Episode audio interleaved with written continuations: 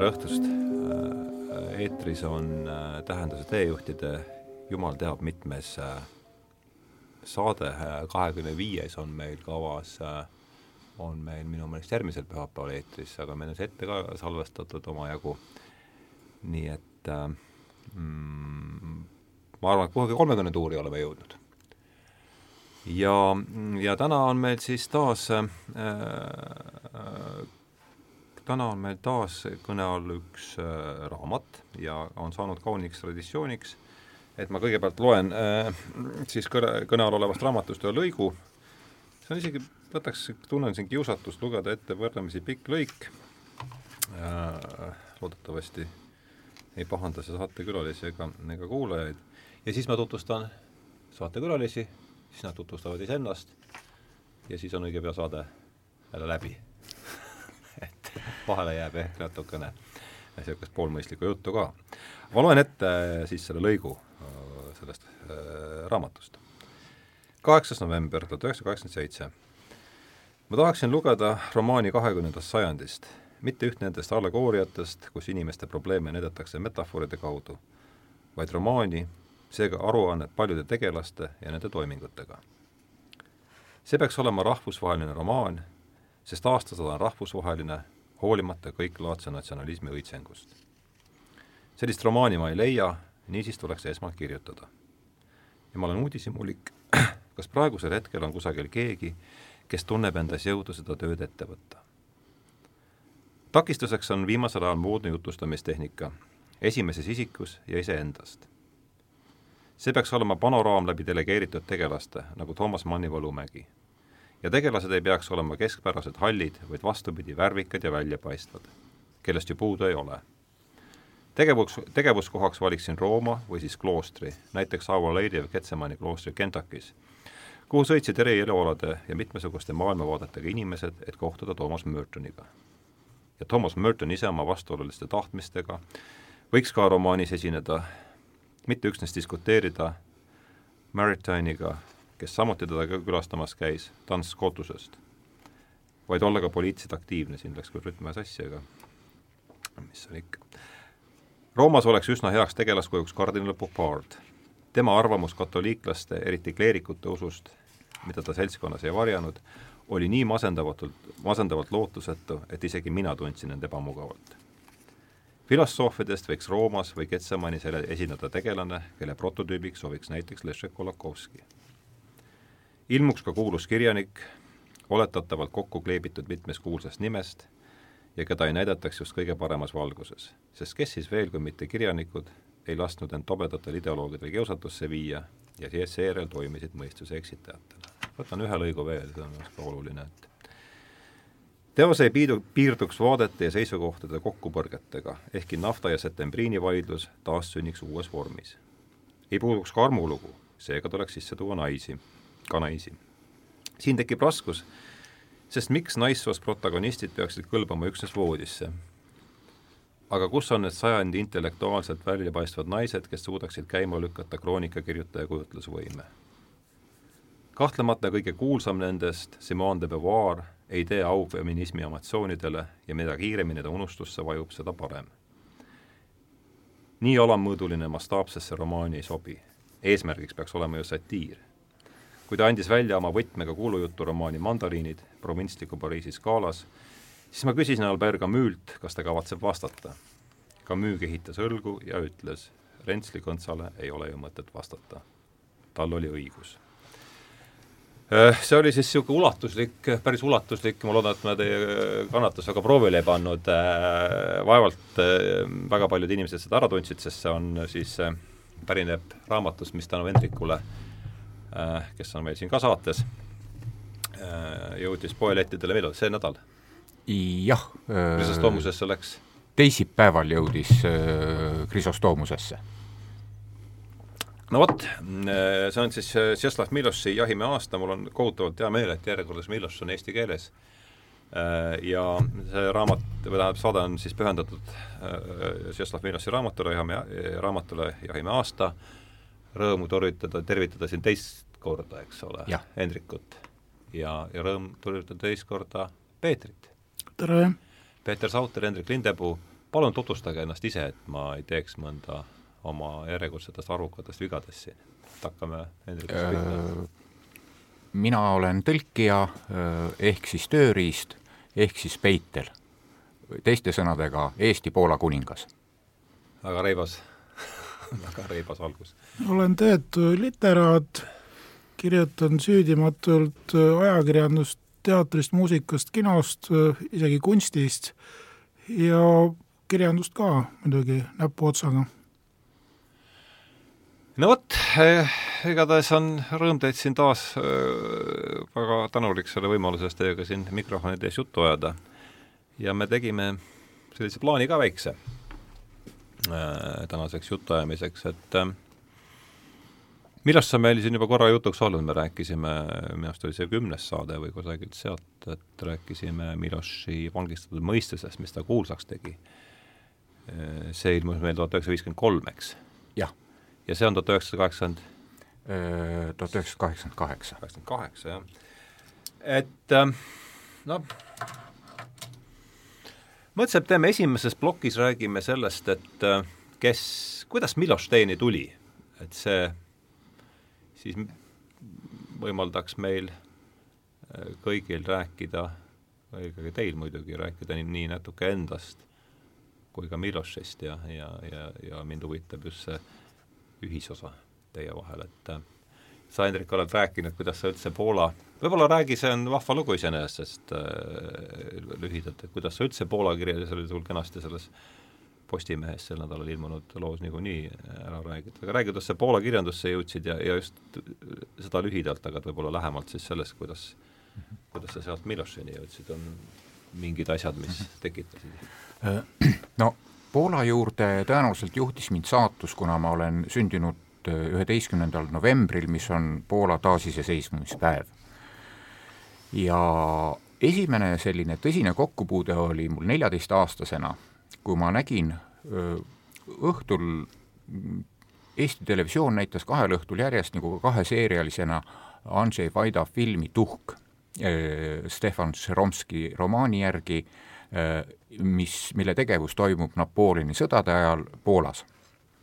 noh, mängisid Poola tippnäitlejad, noh, kellest ma muidugi tollal ei teadnud midagi, Daniel Olbrõški, Olgert Lukaševitš, Beato Deškevitš, Helenat mängis Barbara Brõlska äh, ja, ja noh, tõenäoliselt olin ma Helenasse armunud ja aga mingid sellest nii eredad muljed jäid äh, nagu mällu äh, et hiljem, kui ma nägin noh, Pan Volodjovskit ja Uputust Sinkevitši järgi tehtud, need olid Hoffmanni filmid, et see veel nagu süvendas seda Poola huvi ja noh, loomulikult olin ma lugenud neid triloogiat ja, ja, ja muid Poola asju.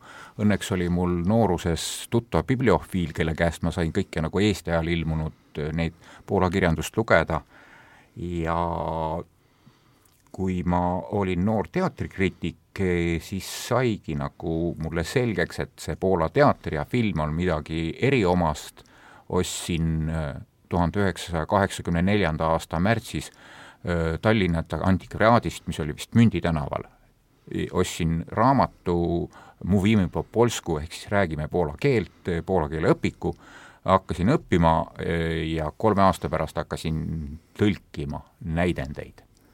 Ja esmalt ma ta nagu tõlkisingi peamiselt näidendeid, sest no ma olin nagu selles valdkonnas tegev, see mind huvitas, aga noh, hiljem noh, tekkis see loomulik nagu huvi, et ka nagu teistsuguste tekstide vastu, noh, proosa vastu ja, ja esimene tõsine,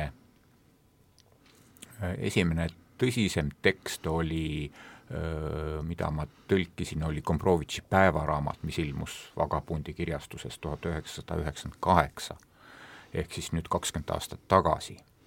ja järgmine aasta pakkus mulle äh, äh, Loomingu Raamatukogu, et ma tõlgiksin ära Tšeslav Miloši vangistatud mõistuse. aa, ah, see tuli siis Loomingu Raamatukogu inist, sellest sa rääkisid jah, jah ja no ma ei mäleta enam, kelle initsiatiiv seal oli, tähendab et mitte sinu igatahes? Mitte minu, lihtsalt ta oli, see teos oli selle avatud Eesti fondi või, või selle Sorose fondi nimekirjas. Ja noh, selle jaoks oli nagu, sai raha. et no vist nii see oli ja, ja, ja muidugi ma olin sellest pakkumisest mitte huvitav. Poola ei andnud raha, aga Soros andis raha Poola kirjanduse tõlkimiseks, see on ju tore. väga huvitav jah, et me praegu, see on ikkagi, mis aastast me räägime praegu? ühe, tuhat üheksasada üheksakümmend üheksa. jah, Soros andis minu koolitamiseks ka raha, ma ei tea, kas ta on seda juba, tuleb varsti kiri, et andke, andke, anna tagasi sa arvad, et tal hakkab nagu peenike pihus olema varsti, kade?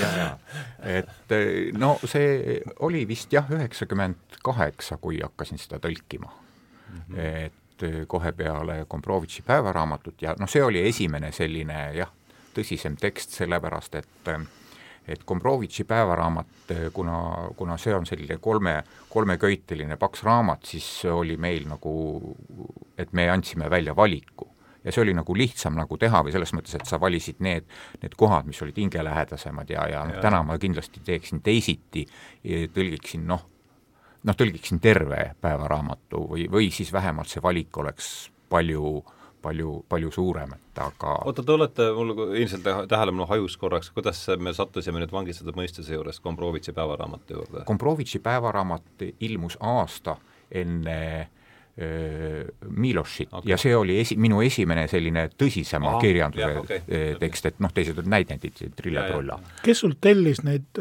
näidenditõlkeid? kas, kas oli e, e, praktiliselt mult ei ole näidenditõlkeid tellinud suurt keegi. aa, ma mõtlesin, et hunt telkis, tellis äkki?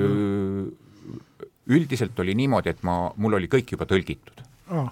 et ma, mul oli Võtsid tõlgitud ja, üksikud ja... asjad, mis, mis nagu telliti, peamiselt oli ikka niimoodi, et et, ma noh, lugesin palju neid näidendeid mm, -hmm. vaatasin, nii kui midagi meeldis, tõlkisin ära ja pakkusin mm. -hmm. sest noh, ega telliti vist Valget abielu, sest mm -hmm. keegi oli sealt teatrist, Tadeusz Ruževitš et seda oli keegi näinud Minskis vist festivalil või midagi niimoodi ja siis selle ma tõlkisin nagu, nagu selle äh, Äh, tellimustööna, aga üldiselt jah, nagu no ega kellelgi peale Mati Undi ei olnudki erilist nagu seda öö, haaret nagu, et mm -hmm. noh, tema oli lugenud saksa ja inglise keeles seal Vitkevitšit ja, ja Komprovitšit ja niimoodi. aga just nii et äh, sa tõlkisid siis kõigepealt Miloši vangistatud mõistuse ja see oli sinu esimene kokkupuude? jah, Milošiga äh,. muidugi ma olin Milošit noh, üht-teist nagu lugenud, paari tema esseeraamatut, noh, natuke ka luuletusi, mis olid minu jaoks eh, noh, tollal ikkagi no ma arvan, et eh, sada korda krüptilisemad, kui sa ütlesid, et praegu, et sa ütled, et on noh.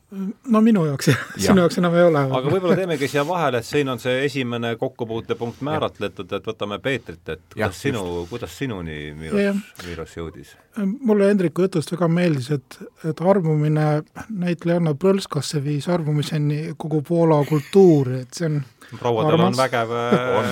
mõju, no vägi sees, jäi nagu ihusse ja hinge, eks ole krantsidele. ma mäletan, et kooli ajal Raua Rein soovitas mulle Mrošekit, siis oli ilmunud selline väike jutukogu. kooli ajal?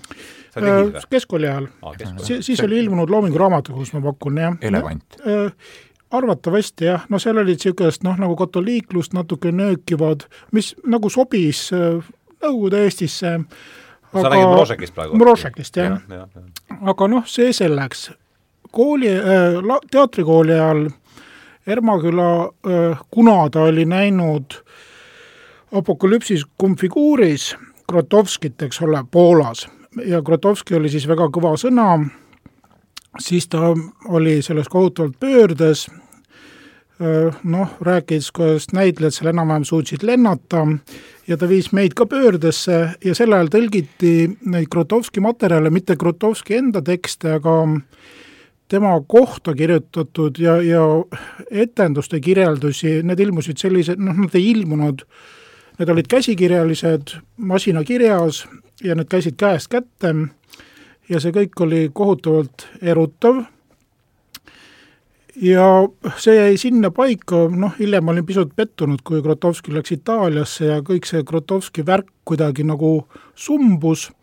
aga ma küsin vahele, see Krotovski nimi on tulnud mitmes kontekstis mul viimasel Yeah. ajal ette, et kellega on nagu tegemist, et ma täitke see lünk praegu niimoodi, mitte et nüüd ärme No, siit veel lähe väga pika Irži Grotovski, kes äh, hakkas äh, kõigepealt Poolas teatrit tegema ja läks, mis pisike linn oli, kuhu ta läks seda? Piemonte vist kuskil, ma ei, ma ei Itaaliasse. oska ei, ei Poola linna ja na- nad äh, hakkasid nagu nullist seal üles ehitama teatrit ja noh, kogu selle kirjelduse järgi see on äh, no mingi selline seisunditeater, no, no natuke sekti moodi. jah, noh jah, selline sektielu ja noh, mingite seisundite genereerimine ja, ja ka publiku viimine mingitesse seisunditesse, et vaatan järele. vaata jah.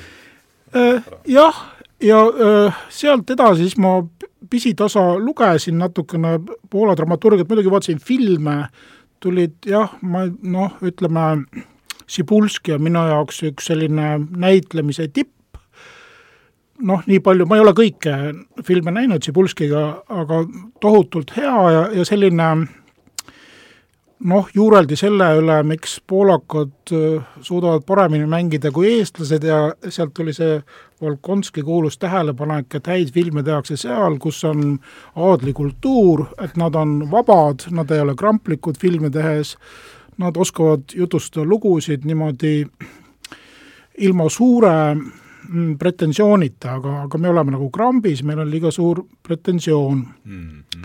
Aga Milošist ei teadnud ma kaua aega tuhkagi, ma arvan, et koos Hendrikuga tuligi mulle ka Miloš ja Hendrik saatis oma, oma tõlkeid.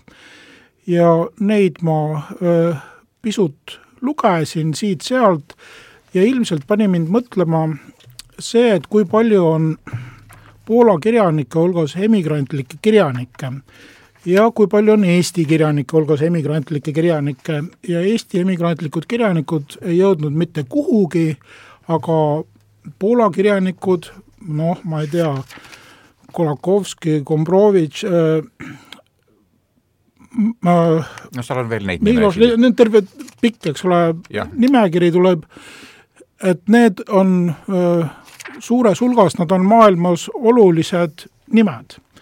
ja siin on mingi noh, see kultuuri suuruse vahe, aga võib-olla midagi veel, noh, ma ei tea, kas seda katoliiklusega või sellise maailma kodanikuks olemise päritolu, et kust see, kust see tuleb? et kuidas tuntakse ennast maailmas nagu nii vabalt oma mehena, samas kui seesama jahimehe raamat nüüd ette võtta, siis seal see indeksis on küll palju nimesid, aga igal leheküljel, seal on põhiliselt ikkagi Poola nimed. jah, et öö, see on selline paradoks, et, et ega, ega Miloš ei kirjuta noh, ma ei tea, lahti mingit maailmakultuuri lugu. ta kirjutab seda Poola värki, aga sellest Poola värgist saab öö, kuidagi tähendusrikas asi ja see haakub öö, noh, oluliste teemadega kogu maailma kirjanduses ja, ja mõtteloos mil-, millest öö, meie oleme väga ebaõiglased, ma ütlen Eesti kirjutajad või Eesti tekstitegijad, noh, võib-olla on üksikuid erandeid, noh, eks ole, siin öö, Jaan Kaplinski Poola juurtega mees tunneb ennast rohkem kodus juba vene kirjanduses või, või niisugune vene kultuuriruumis. et aga enamus meist on ikka niisuguste mõisnike sohilapsed ja meie kuulume nagu mingisse teise kultuuriruumi. okei okay,, siin ma läksin nüüd väga mägedesse omadega, et peata mind, korda, kui, kui, kui ma hulluks kipun minema. ei no vaata, siin on ka see, et, et kui tavaliselt Euroopa riikides, kus oli aadel, jah, oli aadlikke kaks kuni kolm protsenti elanikkonnast. Poolas oli aadlikke viisteist protsenti, aga seal olid noh, palju oli väikeaadlikke, kes ise oma põldu harisid ja noh, niimoodi. Ku- kuigi see on neile väga oluline, vaata äh, siin Milos kirjutab oma sellest Jankast, Jah. et ta mõjus aadellikult, kuigi ta tegelikult oli lihtrahva hulgast, et aga noh, see oli oluline moment, et ta niimoodi mõjus, et jah, see on jah, ma olen ka selle peale mõelnud, et ikkagi aadel oli midagi, mis millel oli siis tõenäoliselt liht, lihtrahval niisugune kahetine suhe, et ühest küljest need inimesed kiruti, aga teisest küljest andsid nad ka millegi, mingi eeskuju, mida siis äh, jäljendati või mille poole püüti vähemasti, ma ei tea, kuidas, mis sa, Peeter, sellest Eh, mõttest arvad?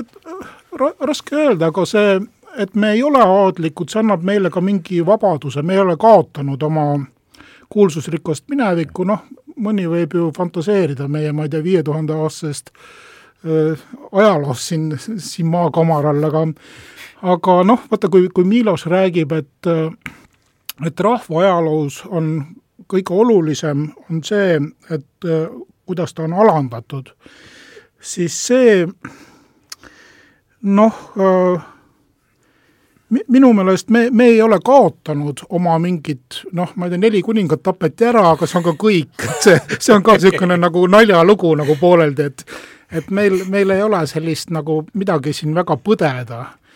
et minu meelest see annab meile, selline provintslus võib olla väga hea niisugune vabaduse aluspõhi et me ei pea niisuguste löödud nägudega, no nagu eile juttu oli, nüüd on uuem teema on, et kuidas leida üles oma süü Euroopas mm, -hmm. eks ole, sakslaste süü, britid, kolonialistid, prantslased ka, süüd kui palju ja noh, me, see on nagu selle asja mündi teine pool. et nojah, et kui on see alandus ja süü, et, et need on nagu seotud kuidagi mingi, mingil moel, aga nüüd ma jälle hüppasin ma ei tea kuhu, aga mina olen väga rahul äh, siin provintsist pärit olemisega. Äh, hästi, aga võtame siis siit, et ütleme, no ma räägin oma sellest, teile tuli see küll jutuks sealsamas esitlusel ka, aga et et mina olin ka Milošist siit ja sealt kuulnud, aga, aga minu kokkupuude temaga algas just sellest äh, raamatust, et ma tõesti, ma ütlen isegi, ma isegi mäletan seda liigutust, millega ma ta võtsin sealt jooli juurest riiulist ja ja lõi suvalisest kohast lahti ja, ja, ja see tõmbas, see autor tõmbas mu nagu hetkega, ma ei tea, kus ma, no täiesti suvalisest kohast hakkasin lugema seda Miloši abc-d, ma olen sellest kunagi kirjutanud ka nihilisti äh,, nihilisti, kui ma nihilistile kirjutasin ähm, Leedu reisikirja, kui me käisime seal äh, prouaga käisime Miloši sünnikodu otsimas mm. Šetinjani. see oli vist kaks tuhat viisteist. see oli kaks tuhat viisteist vist jah ja,, et see on üks väga iseäralik ja kui ma siin alguses selles esimeses äh, tsitaadis rääkisin, et ta tahab kirjutada kahekümnendat sajandi, kahekümnendast sajandist romaani, et see on ju see on nüüd tema hilisest, see on, see on tunduvalt hilisem raamat, eks ole, kui see Jahimehe aasta. jah, see on ilmunud, ta ilmus nagu kaheosalisena üheksakümmend seitse ja üheksakümmend kaheksa vist no vot, et siin on siis, ma no lihtsalt ma toon, äh, ongi abc, siin on lihtsalt järjest on siis tähestiku järjekorras mingid märksõnad, ma lihtsalt toon äh, siin no äh, mingid näited, inimesed, kes ei ole sellest äh, lugenud, inimesed, kes ei ole sellest raamatust kuulnud, et saaksid aru, millest juttu on, et siin on niimoodi, et Aadam ja Eeva on siin näiteks äh,, siis on aeg, alkohol, alkeemia, Ameerika viisa näiteks, auto, barokk, pogomiilid, siis on igal pool mingeid selliseid poolakaid, kelle nimi ma ei hakka isegi üritama siin äh, hääldada neid, et sellega ma jään niikuinii, Albert Camus on siin näiteks, Dostojevski, tuhhopoorid, eelarvamused, imelisus, imetlik, imetlus, ingellik seksuaalsus, kuld, lääne rumalus, ei ole üldse, Schopenhauer, Artur teadmised, uudishimu, ärksus, vene keel, vihkamine, sellised äh, ja vaata justkui nagu no ütlete, mingid suvapoolakad minu jaoks ka veel vahele pikitud, et, et mis, kus on siin see ja kusagil poole raamatu peal hakkab see asi kuidagi hingama niimoodi, et see on üks, minu jaoks oli jah, see teos, mis mind tõmbas kohe nagu Miloši mm -hmm. maailma ja pärast seda olen ma teda lugenud omajagu siin et äh, kuidas, kuidas sa selle abc-ni jõudsid? et võib-olla küsiks no kui... need olid juba mu enda valikud, et kui mul oli oma kirjastus ja, ja, ja siis noh, ma olin juba siis Milošit ikka juba noh, mitte nüüd päris kõike, aga, aga paljusid asju olen lugenud ja siis oli ikka taht-, suur tahtmine nagu nagu välja anda ja, ja siis ma võtsingi ette kolm, kolm Milošit korraga, et äh, kõigepealt Miloši abc, siis see niisugune lühi, lühilaastude kogumik Teeäärne koerake ja siis Sünnimaa Euroopa. ja, ja peale Sünnimaa Euroopat järgmisel aastal siis kohe ka tema päris mahukas, nelisada viiskümmend lehekülge valitud luuletused. et noh, on need tema need luuletused olid jah, et ta on, ta on kindlasti nendest Poola suurtest luuletajatest kõige nagu noh, krüptilisem või raskem, et noh, ilma, ilma näiteks seda Poola konteksti mõistmata ka on mm -hmm. teda väga raske tõlkida jah, ta nagu mõttetasandil liigub või ütleme, olmet seal ei ole ei või, või, või niisugust äh, konkreetsust ei ole, see on, see on no, jah, abstraktne luule. lugeda Ruževitšit või Herbertit, mis on noh, klaarid ja selged ja mm. või, või noh, yeah,, Herbert on selgem, jah. Mm -hmm.. jah, vot see, kuivõrd mulle see kontekst on võõras ja pealegi ja jah mm, -hmm. et ma peaksin rohkem, rohkem tausta siis juurde lugema ja, ilmselt, et jah. ja noh, jah, et vaata tema liikumine katoliiklusest välja või niisugust noh, nagu noh, ta nimetab ennast ate-, et ta oli ateist vahepeal või eks ole? no ei olnud mitte. päriselt, jah mm. -hmm. ta ütleb, ta ütleb, et lihtsalt, et et ta lihtsalt vahel usub ja vahel ei usu, aga mm -hmm. tema luule on alati religioosne olnud noh, sa, samas ta nagu viskab, viskab nalja ka või? ei või, ikka, ega see jah, religioosne ja, ei tähe, tähenda ju vabadust või jah ja, jah, katoliiklastele eriti jah, mhm, mulle, mulle meeldis, kus paavst ütleb, et noh, et see, ah, et sinu luule, et astud sammu edasi ja, ja siis astud kohe sammu tagasi ja ja, ja, ja siis Miloš ütleb, kuidas tänapäeval teisiti nagu saab. ei saagi üldse saa, kuida, kuidas, kuidas teisiti, teistmoodi saab religioosset luulet kirjutada ja,. jah, jah, ja, kuidagi mm -hmm. niimoodi. nojah, aga, aga mulle ei ole need, ütleme, lutipudelist sisse söödetud teemad, et see, aga kui väga oluline see on talle, eks ole, et seda mõista, nojah, okei okay,, ma pean veel sinna jõudma vist no see huvitav see, mis sa rääkisid siin sellest provintsist ja kogu sellest äh, süüst ja, ja ma lihtsalt sirvisin mm -hmm. selle, sedasama tee, teeäärse koerakest, see on niisugune laastukogumik, eks ja. ole. Äh, isegi need ei ole vist, päris laastumõõtu ei anna välja vist, need niisugused väikesed äh, ma ei tea, kuidas sa nimetaksid, mis, mis miniatuurid, miniatuurid, kõige lihtsam jah. miniatuurid, jah. ja, ja teises osas on vähe pikemad lood. jah, ja miniatuuri kogumik siin on lihtsalt niisugune, lihtsalt see sirvi või poeemid proosas, mida poeemid on ka kasutatud. võib-olla ka, jah. et enesepõlgus on siin niisugune väike miniatuur, et äh, enesepõlgus. miks poolakad kipuvad kõikjal nägema reetmist ning kasutavad sõna reetur igaühe kohta, kes nii-öelda normist kõrvale kaldub? Aga sellepärast, et kannavad endast põlgust oma rahva vastu ja igatsevad end sellest, nende poolt madalamaks seltskonnaks peetust lahti rebida. et ähm, alaväärsuskompleks justkui, jah, üllatav Poolaka puhul. viitaks ka selle. no võib-olla Leedu Poolaka puhul ei ole nii, nii üllatav. muidugi vaata, Miloš ütleb ka siin raamatus, et kui Poolas oleks keegi kirjutanud äh, üheksateistkümnendal sajandil midagi sellist nagu Gogoli surnud hinged, siis oleks ta niisuguse kaabaka märgiga külge saanud kohe mm. -hmm. aga kas, kas Miloši puhul ei räägi kaasa ka see, et teda võeti Ameerikas vastu nagu pika hambaga ja noh, nagu kuskil, ma ei tea, oli öeldud, et see oli makartismi aeg ja siis noh, vaata, Milošile, ma saan aru, oli vastik kommunism ja oli vastik ka kapitalism. ja siis ta ei, ei sobitunud nagu kuidagi, siis seal olid vastikud need Berkeley ülikooli õppejõud, kes olid hirmus noh, eneseteadlikud. liberaalid.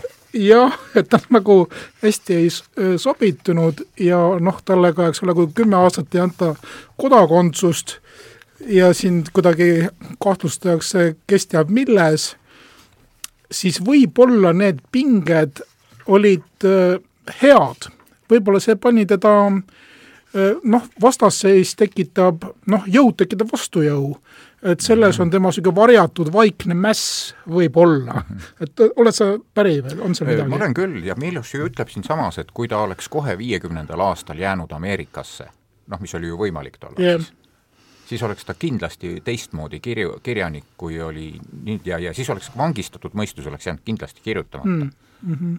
ja vaat see on väga huvitav, et ta ühes kohas vist mainib, et ta vangistatud mõistust suutis kirjutada vaid seepärast, et ta oli lapsest peale õppinud ja harjunud palvetama ahah mm -hmm., see on huvitav mõte, jah mm. -hmm. jälle asi, millega minul ei ole kontakti. ütle palun veel mm -hmm. see uuesti, see mõte, et et ta vangistatud mõi-, mõistust suutis kirjutada üksnes seetõttu, et ta oli lapsest peale õppinud ja harjunud palvetama. no aga mis seal on, on see kontemplatsioon või, või on see nagu sa, sa otsid äh, võimalust allutada ennast või sa otsid, mi-, mis on selle sees? Et ta, et ta suutis noh, ennast nagu palvega viia mm -hmm. teatud tulemuseni. mingisse teise et ta suut-, et ta oskas palvetada mm. -hmm. sisekonfliktist ja, saada ja, nagu vabaks või ja, üle või, või mässust, mässust mäss ületada võib-olla. no muidugi tea. see, see mäss kestis kaua viiekümnendatel aastatel, ta noh, ta ütleb, et see mäss oli see, et ta ei suutnud luuletusi kirjutada mm.. Et ta mm -hmm. kõigepealt kirjutas selle vangistatud mõistuse äh,, siis ta kirjutas äh, selle romaani veel Issa Org. jah, ta ütleb ka, et sellega ta kirjutas ennast vabaks. sellega nagu. kirjutas mm -hmm. vabaks. Issa Oruga, jah ja,? seda ma jällegi lugenud. et äh, seda meil ei ole eesti keeles. aga tuleb. tuleb, jah? ikka Aha, tuleb. Mm -hmm. et et sellega ta suutis nagu vabaks kirjutada, aga veel mitte päriselt mm. -hmm. et siis Sünnime Euroopaga veel nagu lisas seda ja, ja siis ta suutis nagu hakata uuesti miks ta jättis äh, ilukirjanduse või ilukirjandusliku proosa sinnapaika, kuskilt ta nagu räägib, et sellel on eeliseid, sest seal sa noh, sul ei ole, sa ei pea võtma ühte positsiooni, sul on, sa saad äh, oma mõtted paigutada nagu siis erinevate tegelaste sisse ja, ja see annab nagu vabaduse, ta räägib nagu positiivselt sellest aga pärast teist romaani ta rohkem ei kirjutanud, kas ta on niivõrd enesekeskne autor, et ta peab kirjutama mina positsioonilt kogu aeg? kuidas selle asjaga on või? ei, ta ju on seda ka kirjutanud lahti, et ta nagu peab nagu romaani teisejärguliseks nagu žanriks. no samas ta tahab kirjutada kahekümnenda sajandi romaani, eks ole. aga selles mõttes, et ta nagu ütleb, et, et ta on kogu aeg otsinud mahukamat vormi yeah.. Mm -hmm. ja, ja, ja jah, ja, ja, ja, ja, ja nagu see Madeleine Levine üks professor, kes ongi öelnud, et, et Miloš ongi kogu aeg kirjutanud äh, kahekümnendast sajandist romaani. nojah, ta, ta kuskil võrd-, võrdleb ka Balzac'i inimliku komöödiaga, mida ta äh, nagu ületab või et see, et see, see kirja, Balzac kirjeldab ainult niisuguseid erinevaid karaktereid, et okei okay,, see selleks, aga tema mastaap on nagu ja, suurem. võib-olla ma olen ülekohtune siin, aga ja muidugi ta äh, mainib ka seda, et ta ei taha teha nagu seda, mida teevad romaanikirjanikud, et vaata, ma Hiiumaal rääkisin see et eh, nagu ta tõi Dostojevskist näiteid, et, et, et et romaanis oli seal kellegi hauakiri, oli täpselt sama nagu tema enda ema hauakiri, et, et noh, niisuguseid asju, et ta nagu ei, ei aa, liiga elulähedane, nagu läheb vastikuks nagu või, või liiga, liiga no, isiklik? ta võtab isiklikke asju isiklik ja kasutab asju. neid kuidagi laiemalt, et kuskil mul, oli mulle tema on see just võimas alati tundunud, aga, aga äh, Miloš oli... tahab esteetiliseks puhastada või kuidagi nagu väga üldistusteni välja puhastada, et noh, ma ei oska öelda, kas ta nüüd väga välja puhastada tahab, aga mm, -hmm. aga jah, et, et kuskil, noh, ta toob kuskil no, ka negatiivse yeah. näitena, et et kuskil oli noh, Dostojevski naise nagu väga ebameeldiv kirjand, kirjeldus mhm. Dostojevski romaanis või noh, see häirib teda, jah. et noh, see häirib teda mm, -hmm. aga muidugi ta on Dostojevskist väga palju ja. kirjutanud ja mm -hmm. ta ju, tema loengukursused olid Pööklis ju peamiselt Dostojevskist. oot, kas, kas Dostojevski on Poola, Poola verd osalt või? Mul, mul ei, tule, ei ole ei, üldse. mingi lugu on, et see või ma, kusagil see Valge, Valgevene piirkonda mingid ja, sellised äh, kuskilt pidi mingi vereliin läheb, aga, aga, aga no, kuskil mingi pann võis jah, siis seal natukene verd segada. selline nagu sa ütlesid, me oleme siin mõistlike sohilapsed, et ma arvan, jaa, aga muidugi Dostojevski poolakad ei salli nüüd ju üldse, et poolakad on tema teostes no siin oli ju väga ilus koht, ma ei tea, kes äh, Jelena Skulskaja rääkis, kui meil oli üks saade pühendatud idioodile ja siis Jelena rääkis väga kena loo, kuidas tuli vastu Prantsuse saadik Tallinnas ja nuttis. ütles, et miks sa nutad, et äh, saadik ütles, et miks Dostojevski nii hirmsasti prantslasi vihkab aga siis Jelena oli lohutada, ta, ta vihkab kõiki peale venelast. Aga mul tuli see mm, lugu missugune? Lugu missugune. Aga mul tuli meelde, kui ma vaatasin just see tema ka see kahetine suhtumine Ameerikasse, minu arust see on väga, ma olen seda kasutanud ühes oma loos ka sellise pika sisse, ütleme, motona, aga et siis see on sellest üks, üks märksõna on ka Ameerika ja, ja see kõlab siis niimoodi, algus, on pikk, et ma ei hakka seda kõike ette lugema, see alguslõik on selline, et Ameerika, milline toredus, milline vaesus, milline inimlikkus, milline ebainimlikkus, milline vastastikune heasoovlikkus, milline individuaalne eraldatus, milline lo-, lojaalsus ideaalile, milline silmakirjalikkus, milline südametunnistuse triumf, milline rikutus. vastandita Ameerika võib, aga ei tarvitse end paljastada im-, immigrandile, kellel on õnneks läinud. Need, kellel ei läinud õnneks, näevad ainult Ameerika brutaalsust. minul läks õnneks, kuid ma püüdsin alati meeles pidada, et see pole mitte minu eneseteene, vaid et olen lihtsalt õnnesärgis sündinud ja siinsamas kõrval on kvartalite kaupa pardunoid. enamgi veel, mõte nende kurnavast tööst ja täitmata lootustest, tootus vanglasüsteemist, kus hoiti ülearuseid inimesi, õpetas mind suhtuma skeptiliselt dekoratsioonidesse, nendesse kenadesse majadesse keset äärelinnade rohelust. see on ikka päris hea lõik minu arvates. kuigi ta kirub, võib-olla tal siiski Ameerikas oli lihtsam kui näiteks Pariisis, sest Ameerika ongi immigrantide maa ja noh, ta ka räägib, et äh, nagu sõbrad poolakad Pariisis surid ära kõik, et tal ei olnud seal enam kellegagi juttu rääkida. aga no ma ei tea, kui palju tal seal poolakaid seal läänerannikul Ameerikas oli, aga Kolakowskiga ta oli vist koos seal mingi aeg. no, no aasta, aasta oli Kolakowski Berkeley's, et siis Aa. äh, nad suhtlesid päris lähedalt, et sai veidi viina võtta. jah, Jah. aga see sünnimaa Euroopas on üks, vaata ma kunagi veel helistasin sulle, üritasin, lõpuks leidsime üles Jah. selle koha küll, et kus ta ütleb, et selleks, et emi-, emigratsioonis läbi lüüa või selleks, selleks, et emigrant olla alapidi ja mis ta seal ütles, et pidi, ma mäletan igatahes jah, jõehabu närvid vist või, või krokodillinärvid või midagi ta tõi seal päris, jah. ega sul ei ole seda kohta ei ole praegu ei ole. meeles, aga Jah. et noh, et see elu emigratsioonis tundus talle ole, no et sealt lausest tuli Jah. välja, et kui raske see ikkagi mingil hetkel, mitte mingil hetkel oli, et mm. -hmm. aga, aga Hendrik, kas on olnud selliseid äh, Poola kirjanikku nagu Theodor Košanovski, kellest sai Joseph Conrad, kellest oli meil siin just äsja saade. pühapäeval no on- sellel pühapäeval on pimeduse südame. kes, kes kirjutas inglise keeles, eks ole, kes, kes ei olnud enam ja noh, Poolas ikkagi ju sündinud-kasvanud, jah ja, ja, aga Jah. no ta oli ju tükk aega meremees ja jah, jah, et kes, kes nagu minetab sellise noh, kes, kes ei räägi Poola värgist nagu Jah. Et aga selliseid, see on suur erand vist jah, et teised jää- jäävad ikka väga poolakaks, kui nad ka mujal tegutsevad. kes kirjutas veel inglise keeles? see aferist äh, Košinski vist oli see nimi. kirgas lind või? jah, just. ahah, kellest Miloš ma nii palju kui ühest teisest kohast ma olen lugenud, Košinskist ta väga-väga kõrgelt, Košinskit ta väga kõrgelt ei koteeri, ma saan.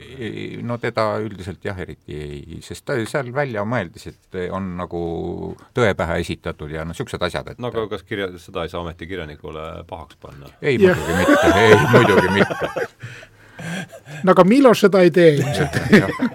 no sa vaata, ütlesid, et see Miloši ütles, et see jõehobu kannatus ja, Midagi ja see- midagi pidi ta olema, et noh, vaata ta kirjutab ka siin selles, et et et minu vangistatud mõistus oli kirjutatud võib-olla kõige masendavamal ajal, tuhande üheksasaja viiekümne esimesel aastal, kui Prantsusmaal oli Stalini kultuse kõrgaeg. See kultus sai täiesti ettekujutamatu väljenduse kuulsas kohtuprotsessis. kommunistlik humanitee süüditas David Rousseed, Saksa koonduslaagri endist vangi selles, et Rousseed oma raamatus, siin ma hääldan kindlasti valesti, Universe kontsentratsioone kirjutas koonduslaagrite olemasolust Venemaal. täitsa uskumatu ikka. Et ütleme, selle taustal saavad ikkagi, selle lõigu taustal saavad pa- paljud äh, tänased arengud ikkagi üsna palju paremini mõistetavamad. ei no Ameerika, või tähendab, prantslased ikka nutsid, et neid on vabastanud vale armee. jah, aga siit võib-olla meil olemegi siin juba mm, oota, et äh, nelikümmend minutit äh, olnud eetris, et võib-olla liigukski siis teise plokini, et Miloš ja, ja, ja kahekümnes sajand, et võib-olla sellesama Ameerika. üks mõte, mis siit tuleb välja ja mida ma olen ka nagu varem mõelnud, on see, et et miks need äh, ümber või ütleme, miks, miks stalinism oli nii võigas, nagu ta oli, oligi see, et üks need, see moderniseerimine, et sisuline, sisuline stalinism oli ühe mahajäänud poolfeodaalse või lausa feodaalse maa moderniseerimisprojekt. taheti hüpe teha, aga, aga see üle hüpata on väga keeruline jah, ja, ja, ja et ühesõnaga, ühesõnaga ikkagi üritati jah, see, mis läänes oli võtnud aega kakssada või sada viiskümmend aastat, üritati ära teha viieteistkümne aastaga ja ja siit võib-olla no põhimõtteliselt küll ja, ja siin on ta üks koht, siis ma lükkan selle, selle lõiguga võib-olla siis käima selle, selle, kus me võiksime nendest teisest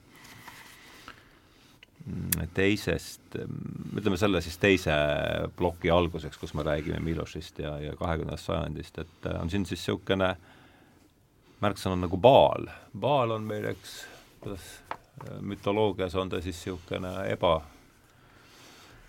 niisuguse väga halva varjundiga ja. ebajumal, eks. või kuidas mm, -hmm. kuidas, mis sa ütleksid, kuidas sina ütleksid Baali kohta? ma ei tea, on see kuldvasikas või no, ei ole? kuldvasikas ikkagi jah, ütleme see, ütleme sealt sellest Vanast Testamendist on tal väga mm -hmm. see kuldvasika ku, kummardamine tõi kaasa ja. suure nördimuse siis vastavate instantside poolt keda esindas Mooses Baali kohta on ta siis kirjutanud järgmised read. Tuhande üheksa, vabandust, tuhande kaheksasaja kuuekümne teisel aastal, tuhande kaheksasaja kuuekümne teise aasta suvel reisis Dostojevski Prantsusmaal ja Inglismaal ning kirjutas sellest hiljem oma õhukeses raamatus Talvised märkmed suvistest muljetest. viies peatükk räägib Londonist ja kannab pealkirja Baal. sest, ahah, sest sellele Süüria ka kaanonimaa jumalale, kelle nimi tähendab lihtsalt issandat, ohverdati tõenäoliselt inimesi sealt tuleb no see inimohvri yeah. teema ilmselt, jah. Mitte keegi, isegi mitte Dickens oma süngematel lehekülgedel, süngeimatel lehekülgedel pole öelnud nii kohutavaid asju tollase kapitalismi pealinna Londoni kohta nagu Dostojevski. kindlasti oli tal venelasena põhjust lääne suhtes vastumeelsust tunda, kuid tema moraalne nördimus oli, on nii tugev ja tema kirjeldused nii realistlikud, et on raske teda mitte uskuda.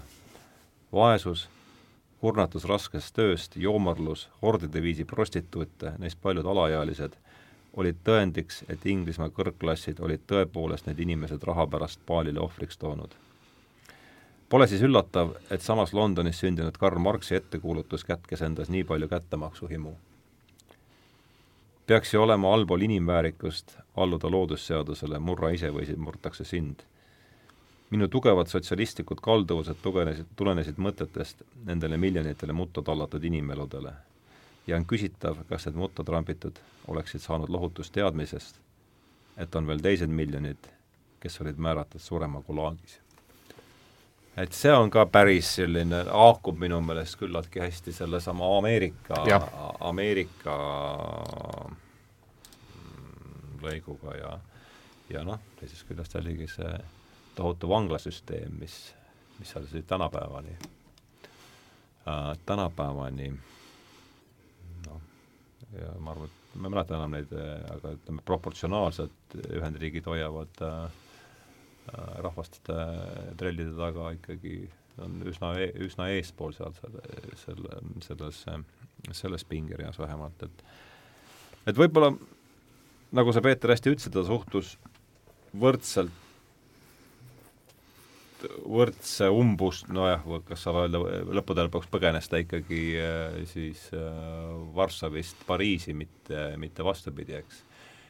et see ütleb väga palju, aga, aga, aga õigus on kindlasti ka sul, et ta suhtus skeptiliselt nii sellesse mm, kapitalismi kui, kui sotsialismi, et äh, ma ei tea, võib-olla jätkagi siit, et et ega ma ei oska sulle väga sellist äh, peale üldsuuna mingit väga selget küsimust jah, lisaks sellele veel ei sallinud ta loodust, sest loodus on julm, seal moraali ei ole, kuskil ta noh, toob sellise kujundi, et äh, kas oli lõhki rebitava jänese karje metsast, eks ole, jäneseröögatus mm, -hmm. mida mina kuulnud ei ole, ma ei tea, kas Miloš oli, aga aga sellest on palju, palju kirjutatud, et noh, ega ta jahimees ju ka ei olnud, kuigi eks ole, see jahimehe ei, ta on jahimehel käinud küll.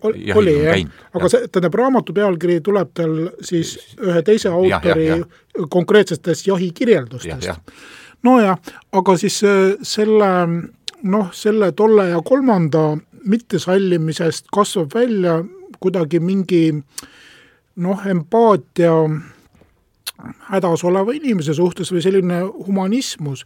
ja noh, kui sa ütled, et mis, mis see tema kahekümnenda sajandi romaan on või, või noh, võib-olla see on üks niit sellest on selline humanismi noh, korduv taastulek, kuigi see võib saada siin sõdades maha trambitud ja erineval moel ja noh, ka empaatia võimaluste otsimine seal, kus, kus sul seda nagu spontaanselt ei ole või sest äh, samas noh, vaata, tal on ka väga tundlikke ja peeni looduskirjeldusi selle kõrval, kus ta ütleb, et loodus on julm ja, ja, ja. ebamoraalne aga siis ta räägib seal, kuidas ta ostab mingeid taimi, nad istutavad lilli ja, ja sellist noh äh,, linnunimede loetelu on päris pikk. ta et... kurdab pidevalt, et tirved käivad neid taimi ära söömas ja,. jah, jah, jah.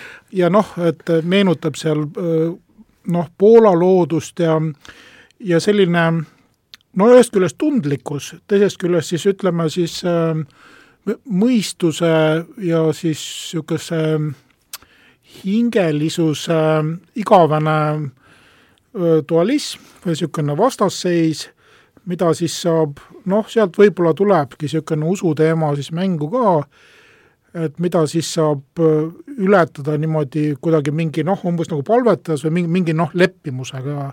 et ja, ja kui ka siis saab peksa, siis ei ole, ei tea mingit paremat rohtu, kui uuesti ja uuesti nagu selle juurde tagasi tulla, et või, võib-olla see teema on ka, on ka praegu nagu üleval, noh, eks see on niisugune iga, igavene teema ja ei, ei kao ka uuemal ajal ära või kas, kas mitte Toomas Paul eile ka ei, ei, ei viidanud umbes, et et nojah, et võib-olla ei käida kirikus ja võib-olla seda ja toda ja kirikul pole õieti funktsiooni, aga noh, andke midagi paremat siis või, võtke, kust, kust taskust te võtate välja siis mm. mingi teise asja, kui see noh, humanismus, mis põhineb kristlusel suuresti või noh, jah no Milos oma esseedes just on nagu ühes kohas maininud, see on mul seal kirjastuse kodulehel üleval ka, et noh, et see et ei ole midagi hukus, huku, hukatuslikumat inimkonnale kui see vertikaalse mõõtme puudumine. jah mm -hmm. no mis, mis ta just kellegi jaoks on ja kas me oskame, ütleme, seda oma vertikaalset mõõdet või, või noh, ma isegi seda enda oma ei oska näha, äh, kuidagi seada kõrvuti näiteks islamiga või, või mingi väga teise kultuuriga, see on keeruline. aga noh, ega siin muud üle ei jää, kui, kui seda nagu otsida või? ega ei jää, jah kui sa lubad, et Jaa, ma, ma tulen tagasi vaata selle juurde, et sa ütlesid, et, et Milos põgenes noh, Varssavist Pariisi, et mitte vastupidi, et siis noh, selle põhjus on siin, vaata, kui ma enne kirjutasin või noh, rääkisin sellest, et see Humanitee algatas selle kohtuprotsessi, siis siis noh, et samal ajal valmistusid Jean-Paul, Jean-Paul Sartre ja Francis Janson ajakirjas Les Tempes Modernes Albert Camus poriga loopima tema mässava inimese eest, kus Camus väidab sedasama. nii et ainus sõna, mida võib siin kasutada, on psühhoos mm. ehkki samuti sõna võim, õnneks ilma politseita. Sartri ja Jansoni artiklid olid lihtsalt pealekaebamised, ärgitasid karistama Camus. noh, et aga, aga noh, see repressiivaparaat puudus õnneks mm. -hmm. jah, jah, jah, ja, ja ütleme, tahte taha ei jäänud seal saatel küll midagi aga lõpuks tuleb Miloš siiski Krakowisse tagasi. Ja, ja eks ole, tal on seal ka korter. Ja siis ta on osa aega ju ja. äh, Californias ja osa aega Krakowis ja lõpuks saab maetud ikkagi sinna, millest ma lugesin, tuli ka paksu pahandust, sest äh, noh, palju, paljudele ei meeldinud tema tausta tõttu, vot mis kirik see on, kuhu ta on maetud sinna, ta, ta oli üks viimaseid, kuhu, kuhu ta maeti, jah? see oli see Skalka kirik, eks? jah, jah, jah, aga on siis, siis ikkagi, et kuivõrd paavst oli talle andnud, mis asju ta oli andnud, et siis kuidagi see nagu lepitas.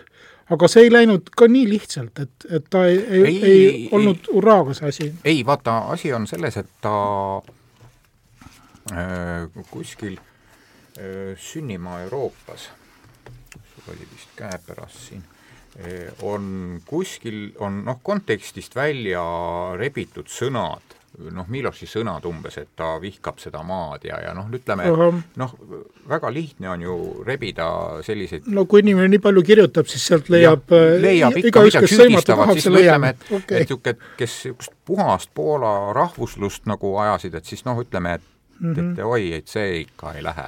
jah, Poola rahvuslane ei olnud ta küll üheski ei, ta ei olnud üldse rahvuslane otsast. jah, no Ameerika leedukas, noh mis Jah, nüüd siis jah, nüüd siia siis ei no ütleme, nii Miloš kui ka Kolankovski mõlemad on ju väga, väga negatiivselt kirjutanud natsionalismist mm. -hmm. et see on üks oht ja, ja ja noh, seda ohtu me nägime ju selles samas eh, jubedas filmis, see Volõnia Šmašovski filmis. No kas ei ole mitte nii, et kõik need ismiga lõppevad, ismiga lõppevates sõnades on ohud, on, on ohud sees? see on nii ja naa, eks mingil perioodil mingi ism ju liidab ühte kampa ja aitab genereerida mingeid ideid, mingeid tegevusi, minnakse kas sõjakäigule või, või hakatakse midagi üles ehitama, mingi kirik või ma ei tea mida. no kindlasti kubism ei olnud nii ohtlik kui marksism no ma ei tea, kas humanismil on ka mingid sellised ohud, võib-olla on. just see öö, Miloš kirjutab nendes kirjades Mötonile, et öö, Poolas olevat otsitud, et sõna, kuna Poola on nii katoliiklik, et siis otsida sõna, sõnale ateism vast-, vasteks, et hakata selle vasteks kasutama sõna humanism. oh sa, ahah mm. Nojah, paljuski nad on tänapäeval natukene. Jah, jah. Äh, jah.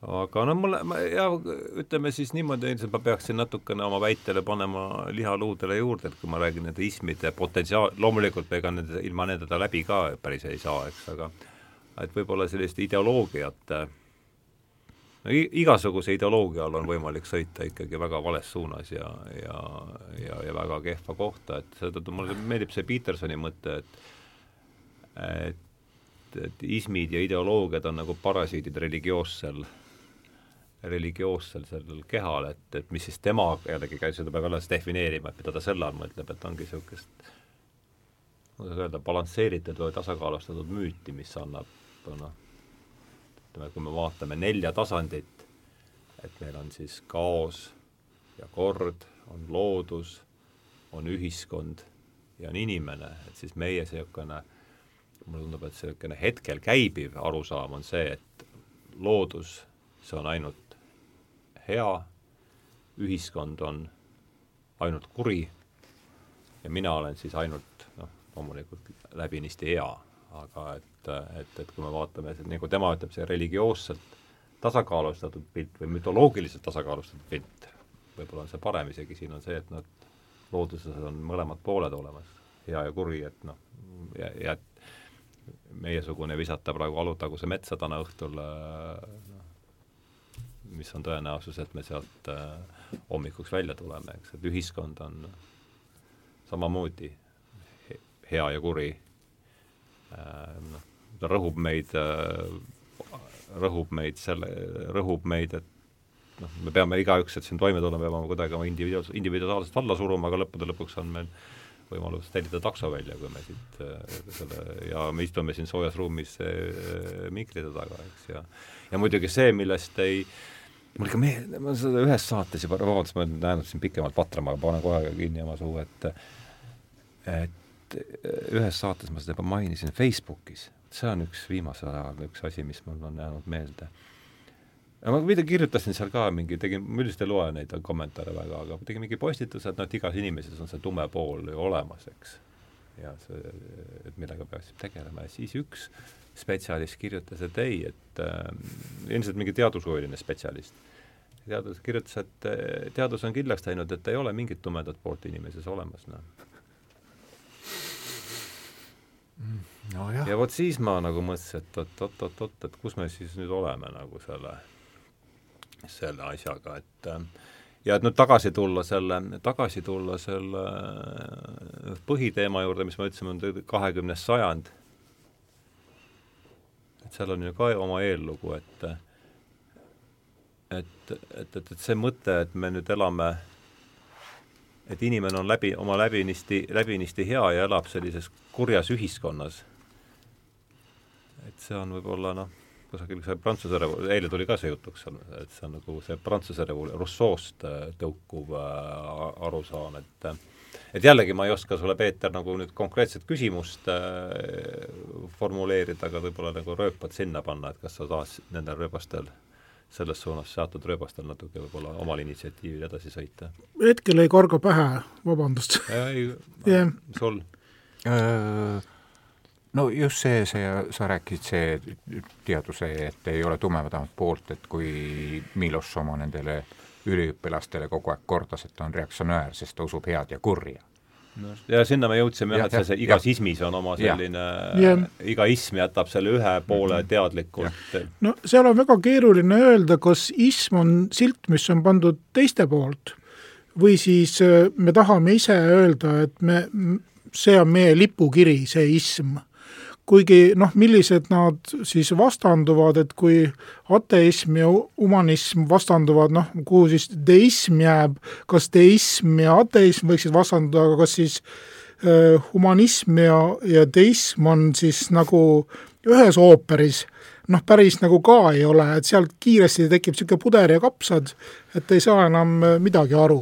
jaa, kõige hullem ongi ilmselt see, kui võetakse mingi ism ja siis üritatakse seda elu hakata selle ismi alla painutama no,, et ega me äh, ilmselt jah ei saa teatud piirini noh, juba keel on lihtsustamine, aga mis me ilma keeleta peale hakkaksime, et äh, noh, keel on mõtlemise abivahend, et et võta keel ära, mille mis ristapuid sa siis kasutad, et, et midagi kirjeldada, et midagi üles ehitada. Ja need ismid on, on ka, eks ole, mingid terminid nagu igasugused nagu hea ja kurigi, eks ole, et viskame siis need sõnad üle parda, varsti nad tulevad aknast äh, tagasi, ilma selleta ei oska.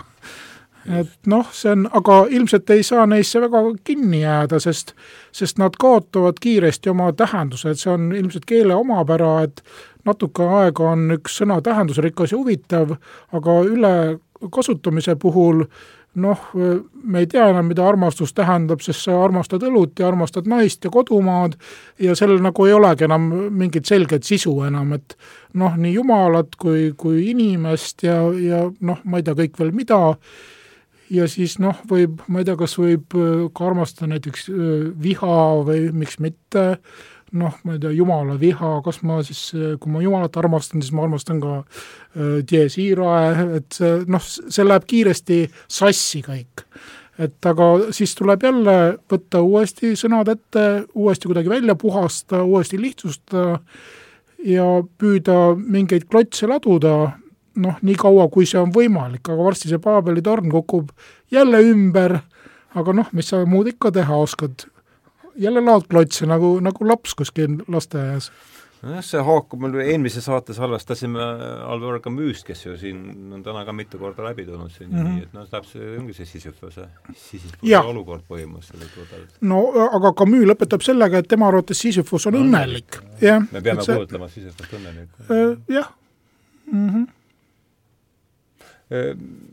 võib-olla sa oled ju rohkem kursis et Camus oligi üks vähestest, kellega ta seal äh, Prantsusmaal suhtles, Prantsusmaal suhtles, et on sa, oled sa, oskad sa nende kohta veel midagi lisada, et mismoodi nendest no, suhetes? Nad olid äh, päris, päris heades suhetes niimoodi, et äh, võõrad mõlemad, eks ole. võõrad mõlemad, et näiteks Albert Camus isegi küsis Milošilt, et et kas ei, kas tema nagu ei pane seda pahaks, et, et Camus kui noh, ateist nagu saadab oma lapsed sinna öö, esimesele kommuunile ja, ja noh, sellise, see noh, no juba kui selliseid küsimusi nagu omavahel käib, et siis mm, -hmm. siis see nagu midagi nagu tähendab, aga Milošil ei olnud sellega probleemi, tal on siin mingi kirjeldus, kus ta lastelastega läheb missale ja, ja, ja noh, ta ütleb, et ega see, ega ta ei kavatse neid kuidagi nagu ja. usuteele viia, aga noh, et see